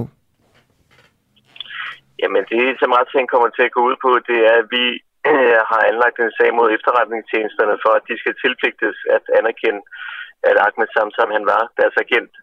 Øh, og det vil vi selvfølgelig bruge til øh, at sige, at den dom, han fik i Spanien for at tilslutte sig en terrororganisation, at den var, det, det var forkert, og det var justismord. Det, så, så det, det er egentlig det, der er hensigten og mening. Så det det, sagen går ud på. Ved, ved vi egentlig, hvorfor at de danske efterretningstjenester ligesom bare aldrig svarede spanierne, da de spurgte, er det rigtigt, at ham der Ahmed Samsam øh, har været agent for jer? Nej, altså det er jo det, der er en stor gåde. Øh, for det er jo klart, at øh, hvis man havde svaret øh, og givet de rigtige oplysninger, så var vi aldrig nået hertil, og så var han aldrig blevet dømt. Og, øh, og der er heller ikke oplysninger om, at man har sagt nej. Han var ikke vores øh, agent. Alt tyder på, at man slet ikke har svaret de spanske myndigheder. Og guderne, guderne må vide, hvorfor øh, man fra efterretningstjenesterne ikke har det eller afkræftet, det er en del af det. Øh, og, og, og, og vi siger så, at de burde have bekræftet det, fordi han jo var deres agent. Øh, så, så det er et rigtig godt spørgsmål, som vi jo selvfølgelig også gerne vil have afdækket i forbindelse med en retssag, hvis det kan lade sig gøre. Mm. Øhm, der er jo den øh, tradition øh, blandt øh, efterretningstjenester og øh, magthavere, regeringen, øh, sådan noget, om aldrig at kommentere på den her slags sager. Mm. Øh, og det giver sikkert også god mening øh, i 99 ud af 100 tilfælde. Spørgsmålet er bare, om det her det er så stor en skandale, at de egentlig burde lægge sig ned og sige, okay, vi fuckede op her. Skylder man det til, øh, til Ahmed Samsam, som øh, satte livet på spil, det tror jeg godt, man kan sige, øh, for at, øh, at, at hjælpe øh, Øh, Danmark og, og dansk øh, sikkerhed. Du kan lige prøve at høre det her klip, øh, hvor øh, vores øh, reporter Clara Vind, hun spørger en række politikere, som man kan forvente har en eller anden form for indsigt øh, i, øh, i sagen her. Øh, fordi det er jo en sag, der, der går nogle år tilbage. Det er altså udenrigsminister Jeppe Kofod, forsvarsminister Morten Bødskov, tidligere statsminister Lars Løkke Rasmussen, nuværende statsminister Mette Frederiksen, tidligere justitsminister Søren Pape Poulsen, øh, som bliver spurgt her, om han var en dansk agent, og de, de, de nægter alle sammen at, øh, at sige noget om det. Jeppe, må jeg spørge dig, hvem er Ahmed Samsam? Oh, det, det øh, har jeg ingen kommentar til. Var han dansk agent? Jeg vil gerne spørge, var Ahmed Samsam dansk agent? Jeg, jeg går ikke ind i, uh, i den der type sag her i aften. Hej, Christian Rejbjerg. Hvis jeg nu spørger dig, hvem er Ahmed Samsam? Hvad svarer du så? Det har jeg ikke nogen øh, kommentar til. Men ved du, hvem han er? Jeg har ikke nogen kommentar til Og hvad hvis, var han dansk agent? Jeg har ikke nogen kommentar til den sag. Ved du, hvem Ahmed Samsam er? Jeg kender jo navnet. Men ved du, hvem han er? Ja, det kommer an på, hvad, du- om du, hvad, du, hvad du mener med, om jeg ved, hvem han er. Altså, Ja, ved du, om han var dansk agent? jeg prøver lige at høre, jeg ved ikke, det er jo ikke en diskussion, jeg går ind i her. Men altså, ved du det, om han var dansk agent? Men det er ikke en diskussion, jeg går ind i her. Ved du, om Ahmed Samsam var dansk agent? Det har jeg ingen kommentar til. Hvorfor ikke? Det har jeg ikke. Jamen, ved du det? Altså, er det fordi, du ikke vil sige det, eller er det fordi, du ikke ved det? Det er fordi folk, der har haft de job, jeg har haft, de skal bare få evigt tige stille. Ja, øh, så man kan jo høre her, at, øh, at, øh, at det vil de ikke svare på, og det er ligesom øh, den regel, de har lavet for sig selv jo. Øh, Hvad tænker du om det egentlig?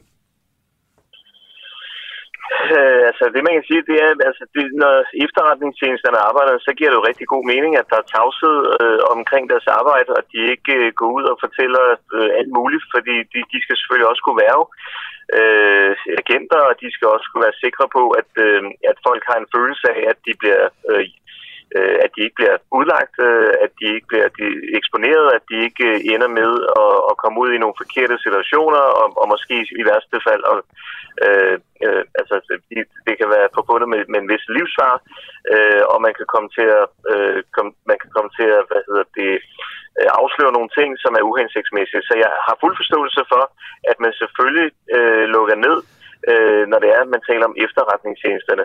Men lige præcis i den her sag, som er noget ekstraordinært, øh, fordi at der er altså en agent, som jo på det her tidspunkt, hvor han bliver dømt, har arbejdet for PT og FE og har sat sit liv på spil, har indhentet oplysninger således, at alle vi i Danmark har kunne leve en, øh, et liv i fred og uden terror og uden øh, øh, at skulle tænke os om i, i forhold til, hvor vi går hen øh, og så videre, fordi vi er bange for, øh, hvor øh, den næste psykopat kan, kan finde på at anbringe, øh, anbringe en, en, en bombe eller andet. Øh, det, er den, det, det er sådan en person, man kaster under bussen. Det er sådan en person, man siger, øh, vi er fuldstændig ligeglade med, at du har sat livet på spil for os andre. Øh, I den her situation, der mener jeg, at hele systemet bør bakke op om, og ikke korrumpere systemet og, øh, og lukke ned om sig selv. Der burde man jo i virkeligheden gå ud og sige, det her, det er ikke i orden. Det er ikke den måde, vi driver vores forretning på, eller vores samfund på, eller vores, vores et eller andet på. Det er ikke sådan, vi skal arbejde. Det er ikke sådan, vi øh, kaster folk for løverne. Vi bliver nødt til at hjælpe de mennesker, der har sat livet for spil for os, og derfor burde politikerne jo også være med til at bidrage øh, til, til den del af det. Mm. Og hvem er så den her helt øh, Ahmed Samsam, der har sat livet på spil øh, for os? Og hvordan hænger hans sag egentlig sammen med, øh, med det faktum, at spionchefen i Danmark øh, også er sigtet øh, og af, af politiet i en sag om, om lækage. Øh, alt det, bare lige for at sige det, Abel Kaja, det kan man høre mere om i det lange interview, jeg jo faktisk har lavet med dig. Jeg tror, vi sad sammen i tre kvarter og snakkede om, øh, om det her. Øh, og det ligger inde øh, på vores app, den uafhængige app, øh, i et afsnit af Spionchefens Hemmelighed. Øh, og der kan man altså høre alt om din klient og om sagen her, og hvordan den hænger sammen med de andre spionskandaler, der foregår lige nu. Øh, tak fordi, at øh, du var med, Erbil Kaja. Jamen selv tak. Og hvordan har Ahmed Samsam det nu her? her? Fortæl. Ja, altså han, øh, ja, det, øh, han, øh, han, han er ved godt, øh, ved godt mod, og han er glad for, at der er stor opbakning øh, til ham overalt øh, i den danske befolkning. Så det er han selvfølgelig rigtig øh, glad for. Men han er selvfølgelig også øh, øh, en bitter mand, hvis man kan sige det på den måde, i forhold til, at han jo, nu, jo nu på femte år sidder fængslet for noget, han jo ikke har gjort. ja. så, så det er, så jeg tror, at han har det meget ambivalent. Okay. 12 minutter over 8.000 tak for interviewet af Bill Kaja her. Øh, det her må være en af de største øh, juridiske skandaler i, øh, i nyere tid. Alt om sagen, altså bare hop ind på den uafhængige app, øh, download den, og så find øh, spionchefens hemmelighed. Det er jo også kun for medlemmer af den øh, uafhængige, øh, og så håber jeg jo selvfølgelig, du får lidt lyst til at høre det her program, og så gå ind øh, og, og melder dig ind i dag og lytter til det. Hvis du er medlem, så går der ind og, og lyt. Øh, det er spændende stof. Det her 13 minutter over 8. Jeg skifter kurs nu. Nu skal det handle om reality tv. Øh, og det bliver interessant det her. Det håber jeg. Sidste uge der startede dette års sæson af reality-programmet Paradise øh, med en ny gruppe deltagere. Producenterne bag det populære tv-program har nu ændret kurs. Det kønsstereotype cast, altså dem, der er med i programmet, det bliver skiftet ud med sådan øh, nogle deltagere, der, der fagner bredere. Øh, og det kan vi så høre lidt om øh, lige om lidt om, hvad, hvad, hvad det betyder. I både Norge og Sverige, der har anklager om seksuelle overgreb i de seneste to sæsoner fået producenterne til at fjerne afsnit fra streamingtjenester. Der har altså været seksuelle overgreb, eller anklager om det i hvert fald. Og lektor på Roskilde Universitet, Line Bull øh, Christiansen, som forsker i øh, kendiskultur og kønsforskelle, mener, at de her ændringer i formatet i Danmark sandsynligvis sker i kølvandet på de omtalte problemer i øh, Sverige og i, øh, i Norge. Morten Lollige, du er programredaktør på Paradise Hotel. Jeg skal høre. Jeg kan se det, der sker lige nu. Morten Lollige, godmorgen. Godmorgen. Programredaktør på Paradise Hotel. Øhm, jeg, jeg, jeg fik lige sagt, at øh, de her ændringer, I laver, ifølge en lektor på Roskilde Universitet, sandsynligvis sker sådan i forlængelse af, at der har været de her sager i Sverige og Norge. Er det rigtigt? Øh, det, kan jeg, det, kan jeg, det kan jeg afkræfte, fordi vi har ligesom været i gang med de her ændringer i ja, snart 2-3-4 år nu, ikke? på tværs af, af de nordiske lande, hvor vi producerer Paradise. Mm. Øh, det er klart, at det har, det har sat skub i tingene, fordi selvfølgelig er vi jo ikke blinde eller tonedøve over for de ting, der sker Nej. omkring os og, og i vores programmer. Så selvfølgelig har det sat skub i tingene, men ændringerne er noget, der har været undervejs de sidste 2-3-4 år. Okay. Øh, de ændringer, I laver, sådan at det er, altså man kan sige, I ændrer lidt, så der måske kommer til at ske nogle andre ting i, i programmerne. Øh, det er absolut kønsneutralitet. Øh, partnerskaber kan dannes med de køn, som de, som de ønsker at danne det med. Det er ikke et krav, at man skal være single for at være med. Øh, der vil være enkelt senge i stedet for dobbelt senge på værelserne, så man kan selv afgøre, om man vil rykke sengene sammen. Øh, og øh, jo så måske have sex foran kameraet. Det er der jo gode seertal i, går ud fra. Ja, jo, altså ja. Det, det, det er jo ikke noget, vi overhovedet bruger tid og energi på. Det er jo lang tid siden, vi faktisk har vist uh, Sex ja. Paradise. Okay. Uh, men jo, det er en del af de ja. der. Uh, så skal der også være en bredere sammensætning af deltagere, og man skal være over 20 år for at deltage. Uh, hvad betyder en bredere sammensætning af deltagere? Hvad? Jamen rent konkret, så betyder det jo, at vi, vi jo rigtig gerne vil afspejle en bred palette af den danske ungdom, eller man kan sige de mennesker over 20 år, som vi har med i vores programmer. Øh, så det handler om at sørge for, at, at, vi, at alle, der kan se, har lyst til at se vores programmer, føler, at de, de kan identificere sig med de mennesker, der er med. Øh, og det gør jo, at, at vi så er inde og kigge på i vores castingproces, at men vi skal have nogen med fra forskellige steder i landet, forskellige køn, forskellige aldre, forskellige seksualiteter, øh, etniciteter, og, og simpelthen for at brede den palette ud, øh, så, så flere kan spejle sig i mm. de tanker og, og følelser, der er i programmet. Jeg ser ikke dit program, men min fordom er, at det handler meget om, at de her folk skal drikke sig fulde, og så kys øh, og skære ud, øh, komme op og skændes og sådan noget, og så er det god underholdning. Øh, kan du prøve, og det, jeg tror, det er en fordom, eller måske er det også rigtigt, men det bliver delt af mange. Vil du prøve at fortælle, hvordan Paradise Hotel gør Danmark til et bedre sted?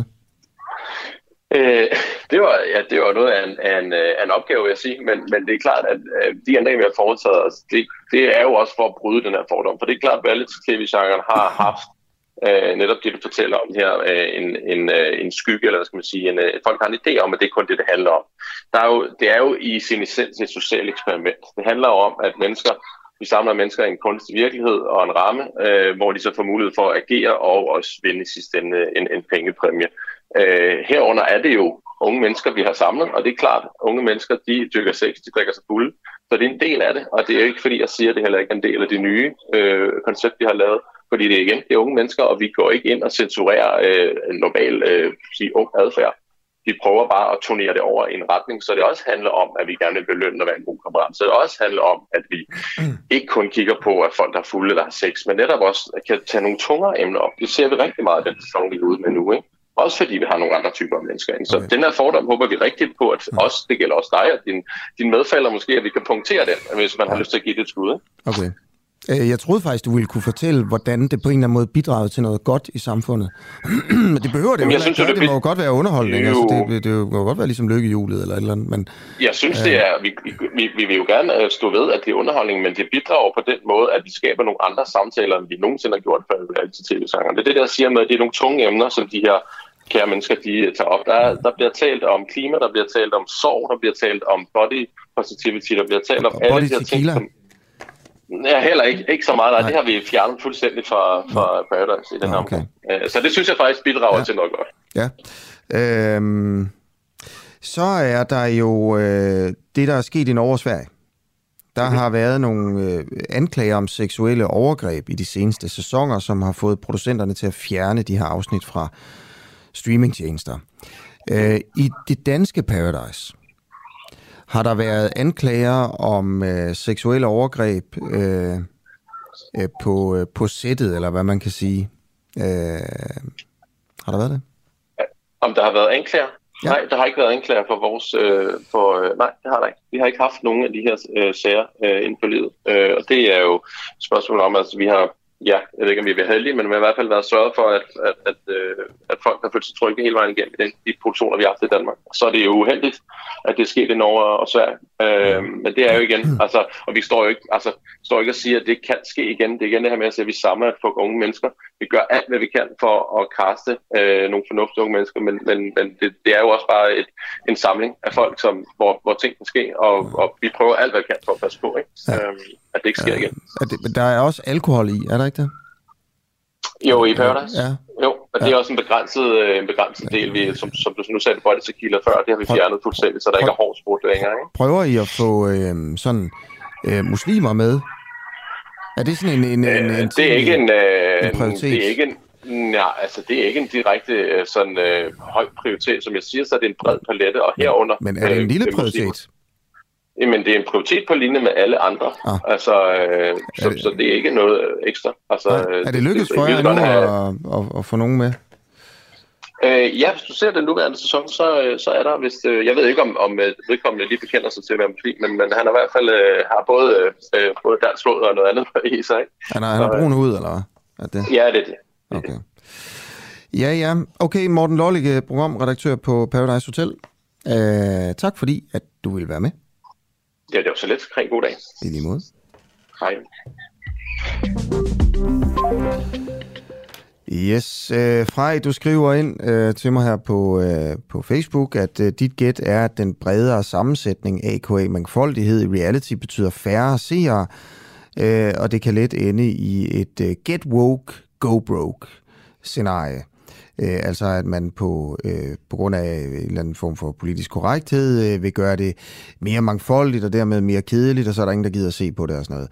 Øh, det er jo selvfølgelig øh, bare en, en analyse for dig, Frej, og tusind tak øh, for det. Jeg har også fået et par kommentarer til øh, det, som Folketinget skal stemme om i dag. Jeg synes også, det er interessant, så jeg vil bare lige nævne, øh, nævne det igen her.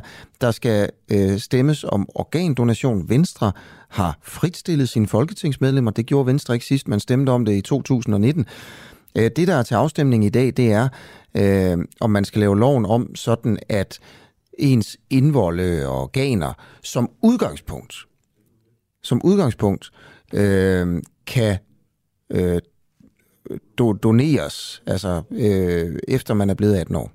Hvis, hvis, hvis man bliver 18 og kommer ud for en ulykke, og ikke har meldt sig fra, så, så kan man, når man kommer ind på hospitalet og er, er død, øh, så kan det være, at de åbner en og tager nyren ud eller hjertet eller noget andet, for at give det til en, der har brug for det. Øhm, og så skal man altså, hvis man ikke vil have, det sker, så skal man fremmelde sig øh, på et eller andet register.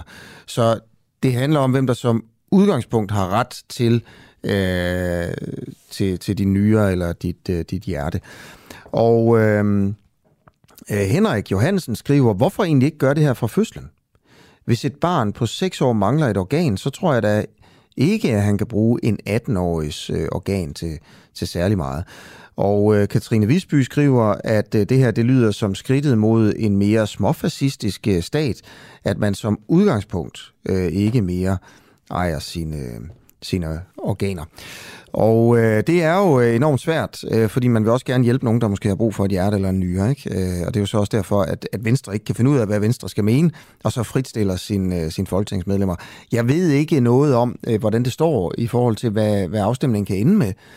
Når man fritstiller, så er det jo meget, meget åbent i Folketinget om, øh, hvordan øh, loven egentlig... Øh, egentlig bliver. Så det må vi jo bare se sådan i løbet af dagen, når der skal stemmes om det, hvordan det bliver. I øvrigt, er det her noget, der kommer på baggrund af et borgerforslag. Øhm, og endnu en gang vil jeg bare sige det så for egen regning, synes jeg, at de her borgerforslag virker. Der bliver faktisk øhm, taget stilling til spændende emner øh, på baggrund af, at der er nogle borgere, der, der, der ligesom øh, stiller de her borgerforslag. Øhm, jeg personligt troede jeg ikke, at der ville at det ville blive nogen succes, da man lavede det, men jeg vil bare sige, der tror jeg da faktisk, jeg vil sige nu, at det tror jeg helt klart fejl i. Øh, jeg synes, det er interessant, så mange ting, der egentlig kommer op til debat på grund af, øh, på grund af borgerforslag. Godt, skal has legaliseres, øh, spørger jeg nu. Øh, og det er, fordi der er en øh, interessant udvikling, øh, faktisk også i Venstre, som jeg talte om øh, lige før. I Københavns Kommune, der har Enhedslisten, SF og Socialdemokraterne længe ønsket en legalisering af has. Det har Venstre været imod indtil nu. Venstres folketingsgruppe er stadigvæk imod legalisering, men nu er det en anden sang, der bliver sunget øh, i øh, Københavns Kommune blandt de venstre repræsentanter, som sidder i kommunen. Louise Øh, Tejlade Thomsen, du er gruppeformand i Københavns borgerrepræsentation for Venstre. Godmorgen. Godmorgen. Godmorgen. Øh, ryger du egentlig selv has? Øh, det sker der en gang imellem, hvis man lige skal have en hyggelig aften. Hvor tit sker det? Øh, det ved jeg ikke. Det er nok sådan noget et par gange om året, eller sådan noget, tror jeg. Og hvornår gjorde du det sidst? Det er et par måneder siden. Mm, okay, hvor meget røg du? Det ved jeg. Jeg ved faktisk ikke. Altså, det var, øh, jeg ved faktisk ikke, hvor meget der er i sådan en, øh, hvad det har været, en halv joint eller sådan noget. Mm. Okay. Var det, øh, du ved det, man kan få pot, og man kan få mere sådan, hvad hedder det andet? Has, tror jeg bare, det hedder. Hvad var det? Jamen, det ved jeg faktisk ikke. Det var en af mine venner, der havde købt det, og det synes jeg måske også lidt understreger en af problematikkerne omkring alt det her, ikke? At man, man altid køber det under lidt sådan, ja. ikke så gode forhold, og man kan ikke rigtig spørge ind og sådan nogle ting. Nej, nej. Hvor havde din ven købt det hen? Det ved jeg faktisk heller ikke. Mm. altså, du, det spurgte jeg faktisk ikke til. Har du nogensinde selv øh, købt det på... Tror jeg, lad mig spørge på en anden måde. Tror du, din ven har fået det fra en øh, kriminel organisation, som også udøver Jamen. vold og sælger hårde stoffer og sådan noget? Jamen, det har han da formentlig. Altså, han har, ja. formentlig, han har i hvert fald fået det på, øh, via kriminelle veje, for det kan mm. ikke rigtig lade sig gøre på andre måder. Har, har du selv købt det også på et tidspunkt? Nej, jeg har kun, øh, jeg har kun fået mine venner til det. Okay. Men du har så betalt dine venner for at gøre det, eller hvad? Ja, så har vi ligesom splejset om det, ikke? Mm, okay. øhm, men, men, ja, men det igen også, synes jeg, er med til at understrege problemet, at, at det ligesom er noget, man lidt gør i smug, og, og man kan ikke rigtig spørge ind til præcis, hvad der er, man køber, og man kan ikke få den rette, rette rådgivning og sådan nogle ting. Okay. Øhm, Grunden til, at jeg også bare spørger ind til det her, det er som, også som du selv siger, måske der var en pointe i det også. Øh, hvor gammel er du egentlig? Jeg er 25. Øh, hvad er de... Øh, altså, du synes, at has skal legaliseres, er det korrekt? Ja, det er korrekt. Øh, vil du fortælle, hvorfor? Ja, altså, vi kan jo ligesom bare se, at den forbudspolitik, vi har haft øh, i over 40 år, den ikke virker. Antallet af folk, der øh, ryger cannabis, øh, stiger. Det er ikke blevet sværere at få fat i, det er blevet nemmere at få fat i. Vi ser, at der er en masse bander, der tjener mange millioner kroner øh, hvert år på de her produkter. Og der synes vi simpelthen, at nu er det på tide, at vi prøver noget nyt. at vi kunne godt tænke os, at det kommer ind under, under ordnet forhold, at det er autoriserede forhandlere, der skal sælge det, så vi kan sørge for, at det er de rigtige produkter, der bliver solgt, at man kan købe det under ordnet forhold, og at man kan få den rigtige vejledning. Og det er simpelthen fordi, vi mener, at den forbudspolitik, der har været indtil videre, den har slået fejl, og nu er det på tide, at vi prøver noget nyt. Mm. Øhm, og i forhold til sådan øhm, øh, uenighed internt i Venstre, øh, der er det jo sådan, at dem på Christiansborg, sådan, der bestemmer mest. Altså, de bestemmer mm. i virkeligheden, hvad der skal være lovligt og ikke lovligt. Det, det gør du jo slet ikke. Øh, Nej, desværre. Men øh, det kan være, at du gerne vil ind og gøre det en dag. Øh, det vil du sikkert gerne ind i Folketinget. Det er jo, men det ved jeg ikke noget om. Men, men uanset hvad, så, så siger øh, Venstre i, øh, på Christiansborg, Preben Bang Henriksen, der er ordfører for det her, han siger, at der er ikke nogen tvivl i Venstre om, at vi ikke går ind for nogen legalisering af cannabis, så længe Sundhedsstyrelsen advarer kraftigt mod de virkninger, som cannabis har. Øh, hvad tænker du om det argument? Jamen, altså jeg, det jeg synes er det største problem med det argument er, at selvom det er ulovligt i dag, så er der jo rigtig mange mennesker, der ryger det. Så det viser jo bare, at forbud forhindrer jo ikke folk i at ryge hash. Altså op imod hver anden dansker har prøvet at ryge cannabis. Øh, og blandt unge under 25 år er det 41 procent. Så jeg synes ligesom, at det er det største problem øh, med det argument. Men, men mig og Preben er ikke, er ikke helt enige på det her område. Så forbuddet forhindrer ikke danskere i at ryge cannabis, siger du? Tydeligvis ikke. Øhm, vil der være flere, der røg cannabis, hvis det blev lovligt? Altså man kan sige, at der er jo rigtig mange analyser på det her, og jeg synes, de giver ikke sådan rigtig et, øh, et samlet øh, overblik over det, så det er sådan lidt svært at sige. Men er der, Men man en, kunne i hvert... er der en risiko for, at der vil være flere, der begynder at ryge det, hvis det blev lovligt? Jamen, det er der jo en risiko for. Mm. Okay. Øhm, men til gengæld er der jo så også en risiko for, at vi kunne sørge for, at de rent faktisk ryger noget ordentligt produkt, hvor der ikke er alt muligt andet farligt indeni, og man kan få den rigtige rådgivning, og at man som mig ikke står og, og faktisk ikke helt ved, hvad det er, man har købt. Nej, og også er med til at støtte, støtte kriminelle bander, der sælger øh, heroin til teenager, som Ja, du, altså, du er jo yderst synes... konsekvent gør, når du, øh, ja, når du ryger synes også, og, og betaler for det, ikke? Så, så ja, er du på en eller anden måde med også... til at støtte heroinhandlen på Vesterbro. Ja. Og problemet er jo også, at når du tager ud til de her bander for at købe det, så ofte så får du også lige tilbudt en lang række andre hårde stoffer, mm. øh, udover det cannabis, du rent faktisk kommer for at købe. Hvorimod, hvis du ikke tager en autoriseret forhandler, så vil det jo være det eneste produkt, du rent faktisk vil blive tilbudt. Mm. Okay. Øh, advarer Sundhedsstyrelsen mod, øh, mod de virkninger, som has øh, har? Altså, Sundhedsstyrelsen anbefaler jo ikke, øh, at, at man øh, legalisere det. Men altså, der er jo mange, der er mange ting, der er usunde. Ikke? Det er også usundt at ryge, og det er også usundt at drikke alkohol. Og, altså... Har du egentlig taget hårdere stoffer end øh, has? Har du prøvet kokain? Det har jeg ikke prøvet, nej. Noget, nej, noget det har jeg ikke prøvet. Nej. Det har jeg heller ikke lige nogen intention om på nuværende tidspunkt. Hvorfor ikke? Det har jeg ikke lyst til. Hvorfor? Fordi jeg er nervøs for, for de konsekvenser, det kan have. Og man kan sige, der er det jo så ikke rigtigt øh, sat spørgsmålstegn ved, hvorvidt det er ret, øh, ret skadeligt at tage hårde stoffer. Mm. Okay, jamen uh, tusind tak for, uh, for interviewet. Jamen, det var så let. Så ved vi, hvor uh, Venstre i København står i hvert fald i, uh, det gør jeg. i den her sag. Er der nogen i borgerrepræsentationen, som er uenige med dig i det, du siger her? For Venstre? Øh, det var... Øh, Nogle Venstrefolk? Ikke fra, ven, ikke fra Venstre, nej. I er alle sammen enige? Ja, vi er alle sammen enige i Venstres gruppe, ja. Yes, øh, tak for det, Louise Tejlade Thomsen, øh, altså politiker her i øh, København, hvor jeg jo også øh, sidder, og, øh, og hvor jeg også øh, har min, øh, min adresse. Du lytter til øh, den øh, uafhængige. Øh, nu her, klokken den er et minut over halv ni.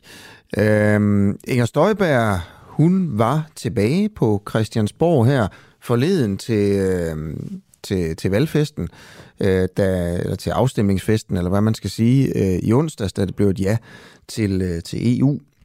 Hun har jo ellers været i fodlænke i et øh, stykke tid, men onsdag der var hun øh, tilbage med håret sat op, øh, og vores, øh, vores værter, eller mine kolleger, Christoffer Lind og Camilla Boraki, fik en snak med hende om, om, øh, om fremtiden i dansk politik for hende. Det er et syv minutters, syv minutters øh, interview, som jeg spiller lige om, øh, om fem minutter, som hvis du er lidt interesseret i det her, så, øh, så hæng på. Fordi er der en fremtid i dansk politik for Inger Støjberg, kunne hun finde på og, øh, og gå sammen med, øh, med andre. Der er jo simpelthen, der har jo aldrig været så mange løsgængere i Folketinget. Og de skal jo på en eller anden måde have en retning, de her folk, hvis de har lyst til det. Der er jo altså for det første ret mange tidligere fra Dansk Folkeparti, øh, som sidder i Folketinget, som som måske godt kunne tænke sig at gå med i en eller anden form for øh, bevægelse. Med Inger Støjberg, som jo er gået mere og mere i den retning. Hun stemte jo også nej til, øh, til at afskaffe forsvarsforbeholdet, selvom hun jo har været i Venstre hele sit liv og øh, øh, har stemt ja, har hun i hvert fald sagt, har hun sagt til de andre EU-afstemninger. Øh, så, så okay, fremtiden for Støjberg i dansk øh, politik, det kan du blive klogere på lige om lidt. Men, men inden da, øh, så vil jeg gerne vende tilbage til, øh, til, øh, til den her nye øh, sag, som Københavns øh, Vestegns politi øh, har indledt. For første gang er der rejst sigtelse øh, mod en mand efter en paragraf om børneseks dukker. Øh, den 1. marts i år blev en ny lov om børnesexdukker indført. Det er nu forbudt at producere, sælge og eje en, øh, en dukke, der ligner et barn, som er konstrueret øh, med et seksuelt formål. Øh, sådan, sådan, lyder, sådan lyder loven. Øh, men spørgsmålet er jo også, om, om den her retssag, der nu er gået i gang, er det en god idé, at en mand kan blive øh, dømt for, for de, her, de her ting, for at have sådan en dukke. Susanne Bengtsson fra Seksologisk Klinik på Region Hovedstadens øh, Psykiatri. Godmorgen. Godmorgen. Godmorgen. Øh, så nogle, øh, kan du sige noget om, altså, hvis man har sådan en dukke, der ligner et barn og har sex med den, det er jo forfærdeligt at snakke om, men sådan er det. Øh, er det så en, der gør, har det nogle, nogle negative konsekvenser? Og når, spørgsmålet er, hvad, hvad, hvad man mener, når man taler om negative konsekvenser i, den, øh, i, i, i sådan en sammenhæng. For børn? Altså man kan, for børn, der ja, er muligt... forhold altså, til børnene. Ja, ja. og det, det, kan man sige, det er et rigtig godt spørgsmål, fordi, øh, og det korte svar, det er, det ved man ikke rigtig noget om. Man kan sige, da, da Folketinget øh, vedtog den her straffelovsændring, øh, så gjorde man det jo selvfølgelig, fordi man ville sende et signal om, at øh, det her med at involvere børn i seksuelle aktiviteter, det er det tager vi afstand fra, det er et no-go, og det prøver vi at signalere ved at, at lave sådan en straffelovsændring. Jeg tror også, øh, fordi den her straf, kan man sige, da man diskuterede den her straffelovsændring, så, så blev det jo, man, sige, man konsulterede forskellige fagpersoner. Vi blev også øh, konsulteret på seksologisk klinik, og man undersøgte, hvad ved vi om det her? Hvad har vi af sådan empirisk forskningsmæssig viden på det her område? Og vores svar og, og andre fagpersoners svar var jo, at det ved vi ikke rigtig noget om. Vi ved ikke, hvor mange der bruger de her dukker. Vi ved ikke noget om, hvad konsekvensen er at bruge de her dukker. Man kan jo have en hypotese om, at dukkerne måske kunne hjælpe nogle af de personer, der har seksuel interesse i børn, til at man sige, mindske deres risiko for, at de går ud og begår seksuelle overgreb i praksis. Mm. Man kunne også være bekymret for, at dem, som bruger de her dukker, at det kunne faktisk øge deres risiko for at gå ud og begå overgreb på dukker. Ja. Problemet eller, er, at vi, ved, vi ved ikke noget om det, og det er meget svært at undersøge videnskabeligt. Okay. Så der er jo en masse moskéer og kan ja. og sådan noget. Øh, og vi aner ikke om de her dukker. Altså, vi skal på en eller anden måde... Er det en god idé, at, at det er forbudt at, at have sådan en dukke? Eller er det en dårlig idé, øh, at det er blevet forbudt? Øh, det kan jo være, at de her dukker gør verden til et bedre sted, som du også siger. At de forhindrer overgreb. Det kan også være, at de gør verden til et værre sted. Altså, de ansporer til flere overgreb. Der er ikke videnskab om det. Øhm, og derfor så vil jeg så spørge dig, hvad tror du?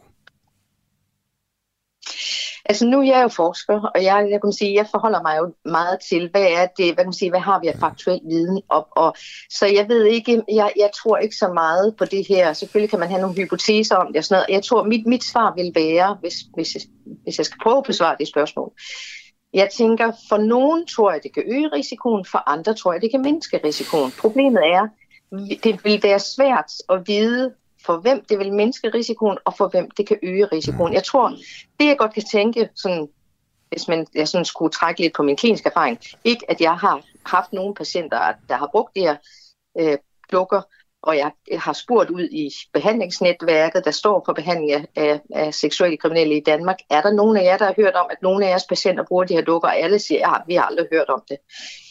Så man kan jo simpelthen, jeg, jeg kunne godt have en forestilling om, at altså man sige, det, er jo, det er jo det her med at have en person. Hvis det er sådan, at personen er pædofil og kun er optaget af at have seksuel aktivitet med børn, og tidligere har vist, at han ikke kan styre det, og dermed er blevet pågrebet for at have lavet overgreb på børn, hvis han også bruger de her dukker, så kan man sige, at det med dukken, det er måske bare sådan et af mange sådan risik, eller en af mange risikofaktorer. Altså, den person vil måske i forvejen have en dårlig prognose. Så det, at han bruger dukkerne, det er måske ikke det, der gør forskellen. Han vil måske have en dårlig prognose, så så.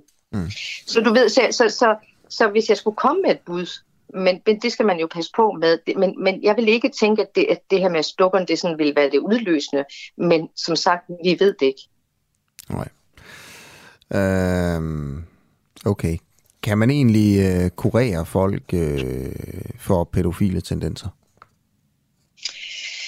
Altså, man har i hvert fald gjort forsøget i rigtig mange år, øh, og, og, og den forskning, vi har på området, den viser, at det kan man ikke. Øh, der er nogle få eksempler på nogen, der måske er blevet helbredt, men generelt så, så peger al forskning på, at starter du ud tidligt i livet med at have seksuel interesse i børn, så er det tit en, en interesse, der vedbliver. Og, og det vi også kan høre blandt folk, som har øh, som lider af egentlig pædofili, mm. altså kan man sige, har den her vedvarende interesse i børn, de rapporterer jo de fleste af dem, at det er startet tidligt i livet, altså der, hvor de fleste af os finder ud af, om vi er til samme køn, øh, det andet køn, der finder de ud af, at de er til børn. De, holder, de hænger ligesom fast i det der med nogen, der er yngre i dem selv, eller måske til en start i jævnaldrende, men, mm. men så bevæger de sig ligesom ikke aldersmæssigt. Så der, der er jo noget, der sådan kunne tyde på, at det er et eller andet, der starter meget tidligt for de fleste, og og, og så peger det på, at for de fleste, så hænger det ved. Mm. Og, og, de, og de fleste af dem, jeg har mødt, og det er jo også det, man kan høre, hvis man sådan, den forskning, der er lavet på, hvor man har talt med folk, der har pædofili inde i de her forskellige peer support fora, der er øh, sådan online, det er jo, at mange af dem er ekstremt ulykkelige over at have den her interesse. Mm. Og, og, og mange af dem rapporterer, hvis der kom nogen og sagde, jeg kan opfylde et ønske for dig, så vil de, så vil de bede om at få ændret den her seksuelle mm. interesse. Det er ekstremt ledelsesfuldt for mange af dem. Øh, kan de, øh, kan de godt lade være? Altså er der, er der er pædofile i Danmark, der aldrig sådan agerer pædofil, men bare går rundt og har et helt almindeligt job og kone og børn måske endda, men bare sådan har den der ekstreme lyst, som de bare tøjler og tøjler ja. og tøjler, ja. indtil den dag, de ligger i graven. Det er der, det ved man, der. Men, men vi ved ikke, hvor mange det er. Og det er jo noget af det, man siger, man har jo den her, man har altid haft den her antagelse om, har du seksuel interesse i børn, så vil du også gå ud og handle den ud og, og lave overgreb på barn. Og det har man fået ud af, sådan forholder det sig. Problemet er, vidensmæssigt, så ved vi meget lidt om det.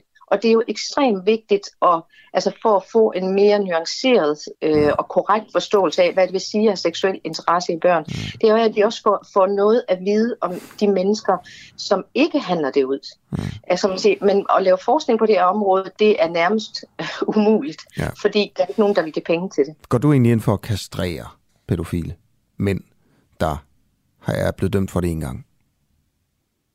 Hvad tænker du på, når du siger kastrere? Altså, medicinsk, hvad det, kastrere? medicinsk mm, kastration. Ja, altså, øhm, nej, altså kan man sige, altså, den, den, øh, den, øh, hvad hedder det, altså, jeg kigger jo meget på, hvad er det retspraksis er, og jeg synes jo, man har fundet en meget fornuftig praksis på det her område, hvor man jo ligesom siger, at det her med at give folk kønsdriftsdæmpende behandling, altså ja. det man kan kalde, altså den form, den udgave, der hedder kønsdriftsdæmpende behandling, det gør man kun i helt særlige øh, ja. tilfælde, hvor alt andet er prøvet af. Okay. Så egentlig synes jeg jo, at man har jo, altså det er jo i, i Hersted Vester øh, fængsler, man, man træffer de her beslutninger, som oftest at, at finde ud af, hvem er der skal tilbyde den løsning. Og det gør man jo for de her forvaringsdømte, hvor alt andet er prøvet af, og, og, og, og så er det den mulighed, man har for ligesom at komme komme, komme ja, ud og det, komme videre i det. Det, er et tilbud, man giver dem. Man kunne også øh, overveje, om det skulle være tvang. Men det er en helt anden diskussion, den vil vi tage en anden dag. Tak fordi du vil være med, Susanne Bengtsson. Tak for, at I ringe. Det var slet. Øhm, godt. Klokken er 8.42. Og jeg vil godt sige til jer, der lytter med, tak for alle de her sms'er og beskeder. Jeg tror aldrig, jeg har fået så mange øh, på en morgen, som jeg har fået her til morgen. Øh, mange af jer skriver øh, ind til mig øh, om det her øh, interview, jeg lavede med venstrepolitikeren i København. Øh, venstrepolitikeren, som, øh, som sagde, at hun der røg has et par gange om året, og den var, det, det has, hun købte, var købt af kriminelle bander. Øh, og der er en, der skriver her, Mark Kærsgaard skriver, jeg ryger cannabis flere gange, eller de fleste Undskyld. Øh, de fleste dage med afbræk i uger og måneder fra tid til anden. Jeg kan kun opfordre, at folk øh, dyrker det selv, i stedet for at øh, lade kriminelle profitere. Det er sværere. Det er ikke sværere end at dyrke kartofler. Cannabis er også mindre skadeligt end for eksempel øh, alkohol og tobak, skriver han altså. Katrine skriver, folk ryger has, som det er lovligt eller ej, derfor kan man lige så godt legalisere det. og Ginny Eva Kristoffersen skriver, ja, det er en god idé at legalisere has, så kunderne kan undgå de kriminelle miljøer. Og Alice Kaspersen, du skriver lidt underligt, når en kommunal politiker øh, har det fint med at støtte, altså med sit hasforbrug, organiseret kriminalitet. Has er altså stadigvæk ulovligt også i København. Og den sidste sms, jeg lige læser op, den er fra Simon her. Cannabis er det eneste, som har virket for mig i forhold til min angst og PTSD. Det værste, jeg ved, er, at øh, jeg skal tage ud på staden for at købe af kriminelle og løbe risikoen for at blive taget af politiet. Sundhedsstyrelsens øh, advarsler er derudover baseret på mangelfulde undersøgelser, da der ikke er nogen økonomiske fordele i at forske i produktet, skriver altså Simon. Bare lige sige, jeg ved ikke, om det Simon øh, siger her det sidste med, at der ikke er forsket ordentligt i det på grund af nogen økonomi, noget økonomi. Om det er rigtigt, Øh, men, men det er jo altså det, han øh, skriver her. Godt. Øh, 8.44. Inger Støjberg. Inger Støjberg, skal hun starte et parti? Skal hun tilbage, tilbage i dansk politik? Er der brug for Inger Støjberg? Onsdag aften, øh, der satte hun for første gang sine ben og sin hårknold på Christiansborg, øh, siden hun blev smidt ud i december. Vores vært Christoffer Lind og Camilla Boraki, fik en snak med Støjberg om hendes tid i Venstre, øh, kolleger, der ikke kan se hende i øjnene længere, og om hendes fremtid i politik. For som hun selv siger i det her interview, så føltes hendes exit fra Christiansborg mere som et komma end øh, som et punktum.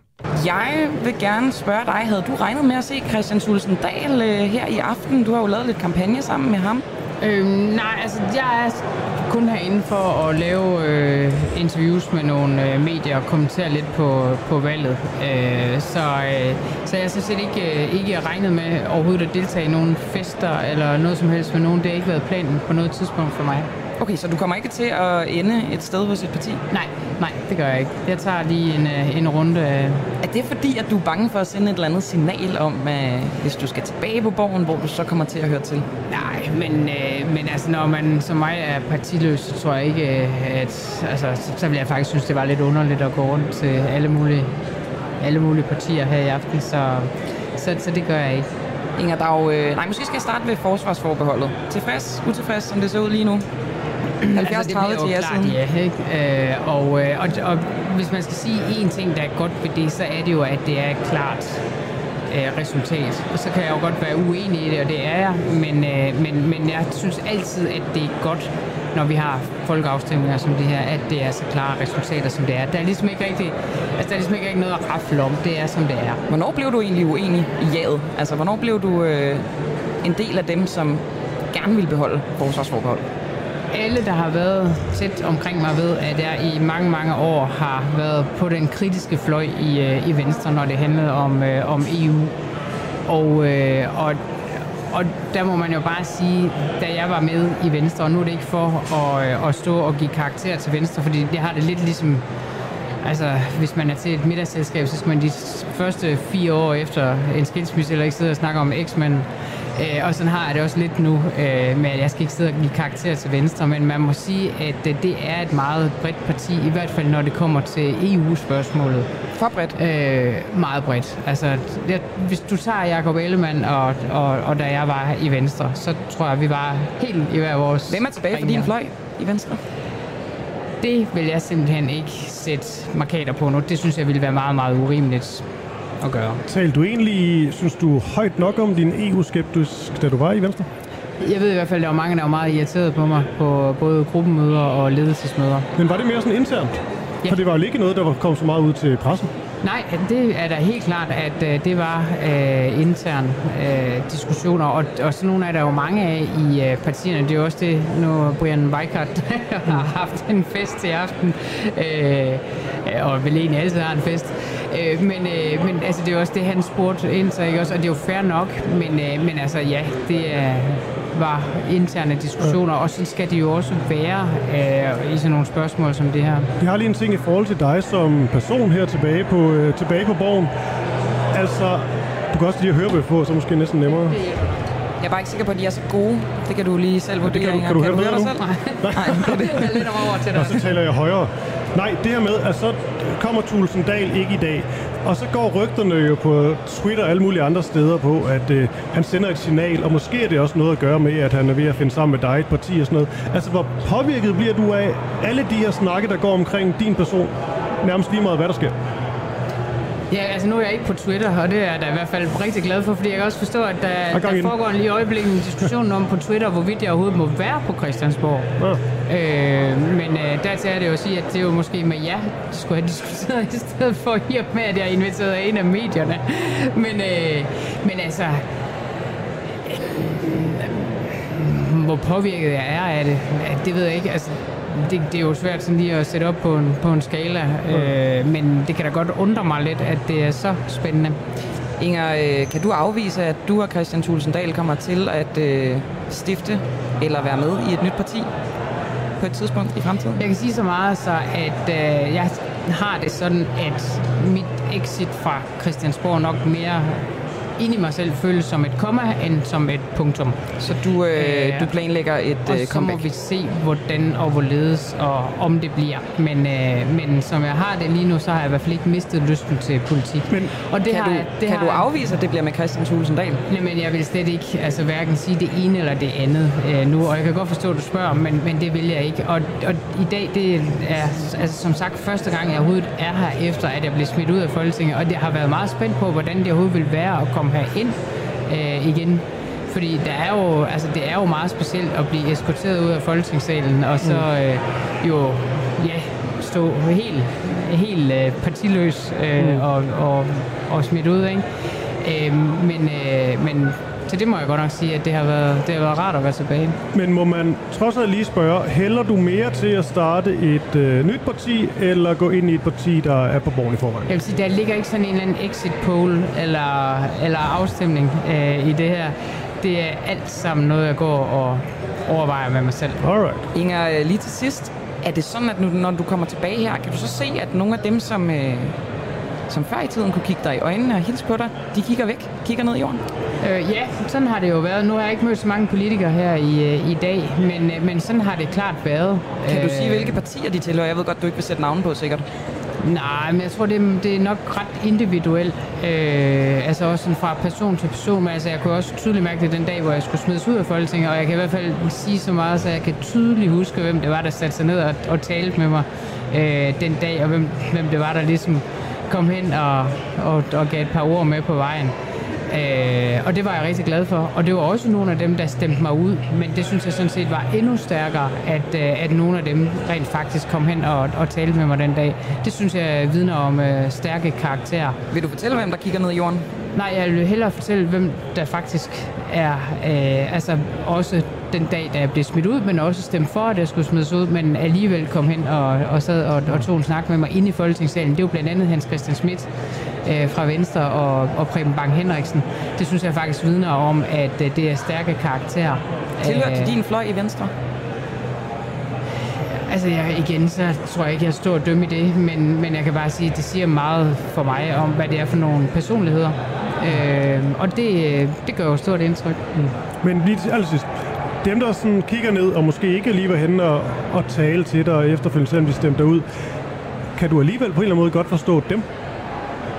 Altså dem, der kigger ned i jorden, altså... Altså jeg har det øh, sådan, selv sådan, at jeg hilser på alle mennesker, også folk, som jeg er uenig med. Okay. Ja, jeg beklager selvfølgelig, at der var lidt øh, baggrundsstøj øh, til interviewet her, men øh, det er jo fordi, det er optaget på valgaften inde på Christiansborg, hvor vi her på Den Uafhængige satte et studie op og, øh, og gjorde det, at vi stillede spørgsmål til til de forsamlede politikere. Øh, spørgsmål, som ikke handlede om EU. Vi spillede, stillede rigtig mange spørgsmål og, øh, til efterretningsskandalerne, for eksempel. Øh, vi spurgte også ind til øh, Øh, det, det, de, der, de der hemmelige forhandlinger, der foregår med USA lige nu om at sætte amerikanske tropper øh, på, på dansk jord. Det er jo forhandlinger, vi ikke ved en skid om. Undskyld, jeg, jeg, jeg, jeg banner, men, men det bliver holdt hemmeligt, indtil der på en eller anden måde er et udkast, øh, og der er slet ikke nogen offentlig debat om, om, om der i praksis kommer til at komme øh, amerikanske militære baser på Bornholm, for eksempel. Vi ved jo ikke, om det er der, amerikanerne gerne vil være, vil være men det kunne da være meget fedt med en diskussion om det inden. Øh, inden det ligesom bare bliver klappet af. Nå, men altså... Øh, bare lige for at sige, hvad vi lavede på, på Christiansborg.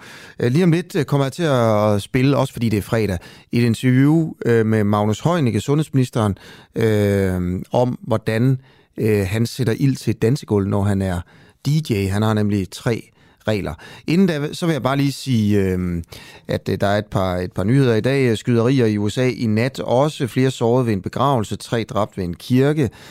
Øh, I nat øh, dansk tid skyder såret en bevæbnet gerningsmand flere øh, mennesker under en begravelse i byen Racine i delstaten Wisconsin. Og øh, angrebet fandt sted, mens familie og venner var samlet til begravelsen af øh, en 37-årig sort mand, øh, som var blevet skudt og dræbt af politiet i marts. Øh, fem mennesker er blevet øh, såret. Få timer senere åbnede en gerningsmand øh, ild uden for en kirke i nabostaten Iowa, hvor tre personer mistede livet. Så alt det her skete altså, mens vi lå her i Danmark øh, og sov øh, trygt.